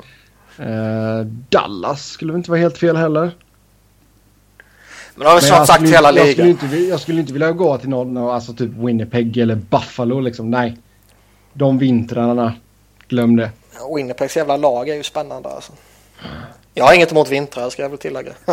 Nej. uh, nej men de har något spännande på gång. Det skulle kunna vara skoj att försöka bygga upp det. Mm. Washington. Det är, om jag skulle vilja, om jag är tvungen att ta ett vinterställe. ja, du kan ha Washington vinterställe alltså. ja, visst. DC är ju vinter vet du. Det är Nej. absolut vinterställe. Men det är, det är också en skön stad. Uh, jävligt bra restauranger. Ja, det är mycket möjligt. Det skiter jag i. Men det är sånt man kan götta sig med då. Är du GM då drar du ändå in lite deg va? Så då kan du gå ut och käka varje dag. ja. Men det är ett mm. av mina minsta problem om restauranglivet är bra eller inte. ja, nej, jag tänker på helheten som sagt. och jag, jag tänker sportsligt. Det är det som är skillnaden ja. mellan oss. ja. Tycker ni att coaches challenge ska bort? Fördelar och nackdelar? Eh, jag tycker väl att det tar för lång tid. Och jag Mm. tycker eh, problem... Jag tycker domarna har för dåliga... Alltså, de ska inte kolla på en liten iPad. tittar ju på en iPad Mini till och med känns det som. Ja. Men nej, men det, alltså, ska man behålla det, vilket jag i sig kanske inte skulle ha några problem med, så måste ju... Alltså offside är ju... Det är ju inte en bedömningsfråga, utan där är det ju liksom antingen är den över eller inte. Ja. Eh, sen kan jag tycka att det blir lite... ja, jag är inte jätteförtjust i att man har offside och att man kan challengea det, men jag kan väl tolerera att man har det. Men då måste man ju ha bästa möjliga förutsättningar för att ta korrekta beslut. Och det innebär ju kameror och kameravinklar som kan säkerställa om den är över eller inte. Och det ska såklart tas ett beslut i Torontos War Room, inte av domaren på plats i en iPad Mini. Ja. Eh, vad heter det? Goalie interference tycker jag är jävligt problematiskt för där blir det ju en bedömningsfråga. Mm. Där man ser eh, liksom ena dagen så godkänns en sak och en vecka senare så eh, fäller man ett lag för exakt samma sak. Jo. Men alltså ska man... Alltså jag tänker på, alltså ska man ta, liksom göra den där lilla zonen framför målet större så att målvakten har, är målvakten innanför det här området så ge fan i att toucha honom liksom. Är han utanför det området, ja då är det fine liksom. Alltså jag har ju i många år sagt att är målvakten utanför sitt målområde så ska han vara tacklingsbar. Mm. Och det tycker jag väl fortfarande. Och vill han inte få tacklingar så får han väl helt enkelt stanna kvar. Hej! Oj. Livsfarligt. Ja, Hör ni mig? ja. Ja, ja, vi hör dig. Vad, Ja. vad vill du? Jag, ska bara, jag går och äter nu. Så att Ja, ni vet. om. Okej, Max eller? Nej, Donken. Eh, Maestro, det finns ju så här erbjudanden i deras appar som är rätt bra. Eh, Maestro Tasty blir det med. Super. Ja, ge, ge inte McDonalds någon gratis reklam nu. De får betala. Ja, Ly lycka, lycka till. ja. Stök in, inspelningen idag alltså. ja fint. Ja, eh, sist men inte minst, vilken award saknas mest? Eh, jag kan känna att vi behöver en för bästa defensiva backen. Men då Så att, det inte bara, så att det inte bara blir det här trökiga, den som ger mest poäng. Ja, inte tröka. Det handlar ju inte bara om poängproduktion. Nej, Men eh, ja, problemet med att slänga in en kategori om bästa defensiva backen är ju att eh, liksom vad ska man dra till med? Ja men så Drew Dowdy som jag vet att du tänker på som det här exemplet. ja, Eh, det är ju inte bara han som skulle få röster och det är inte bara eh, vad ska man ta med som kan, liksom, skulle kanske kunna gynnas av en sån omröstning. Folk skulle rösta på Shea Webber kanske liksom. Mm. Eh, av de här som skulle rösta som ju antingen skulle vara media eller eh, liksom profiler i ligan på något sätt. Eh, men problemet är att det är inte bara sådana som skulle kunna få röster utan jag tror ju verkligen att sådana eh, riktiga skräpspelare skulle kunna få röster som eh,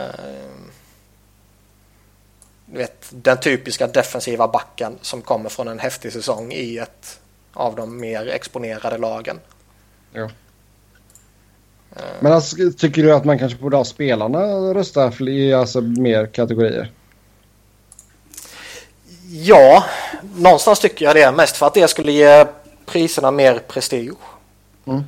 Alltså att eh, media röstar fram när man vet vilka som har rösträtt känns ju eh, liksom väldigt eh, meningslöst.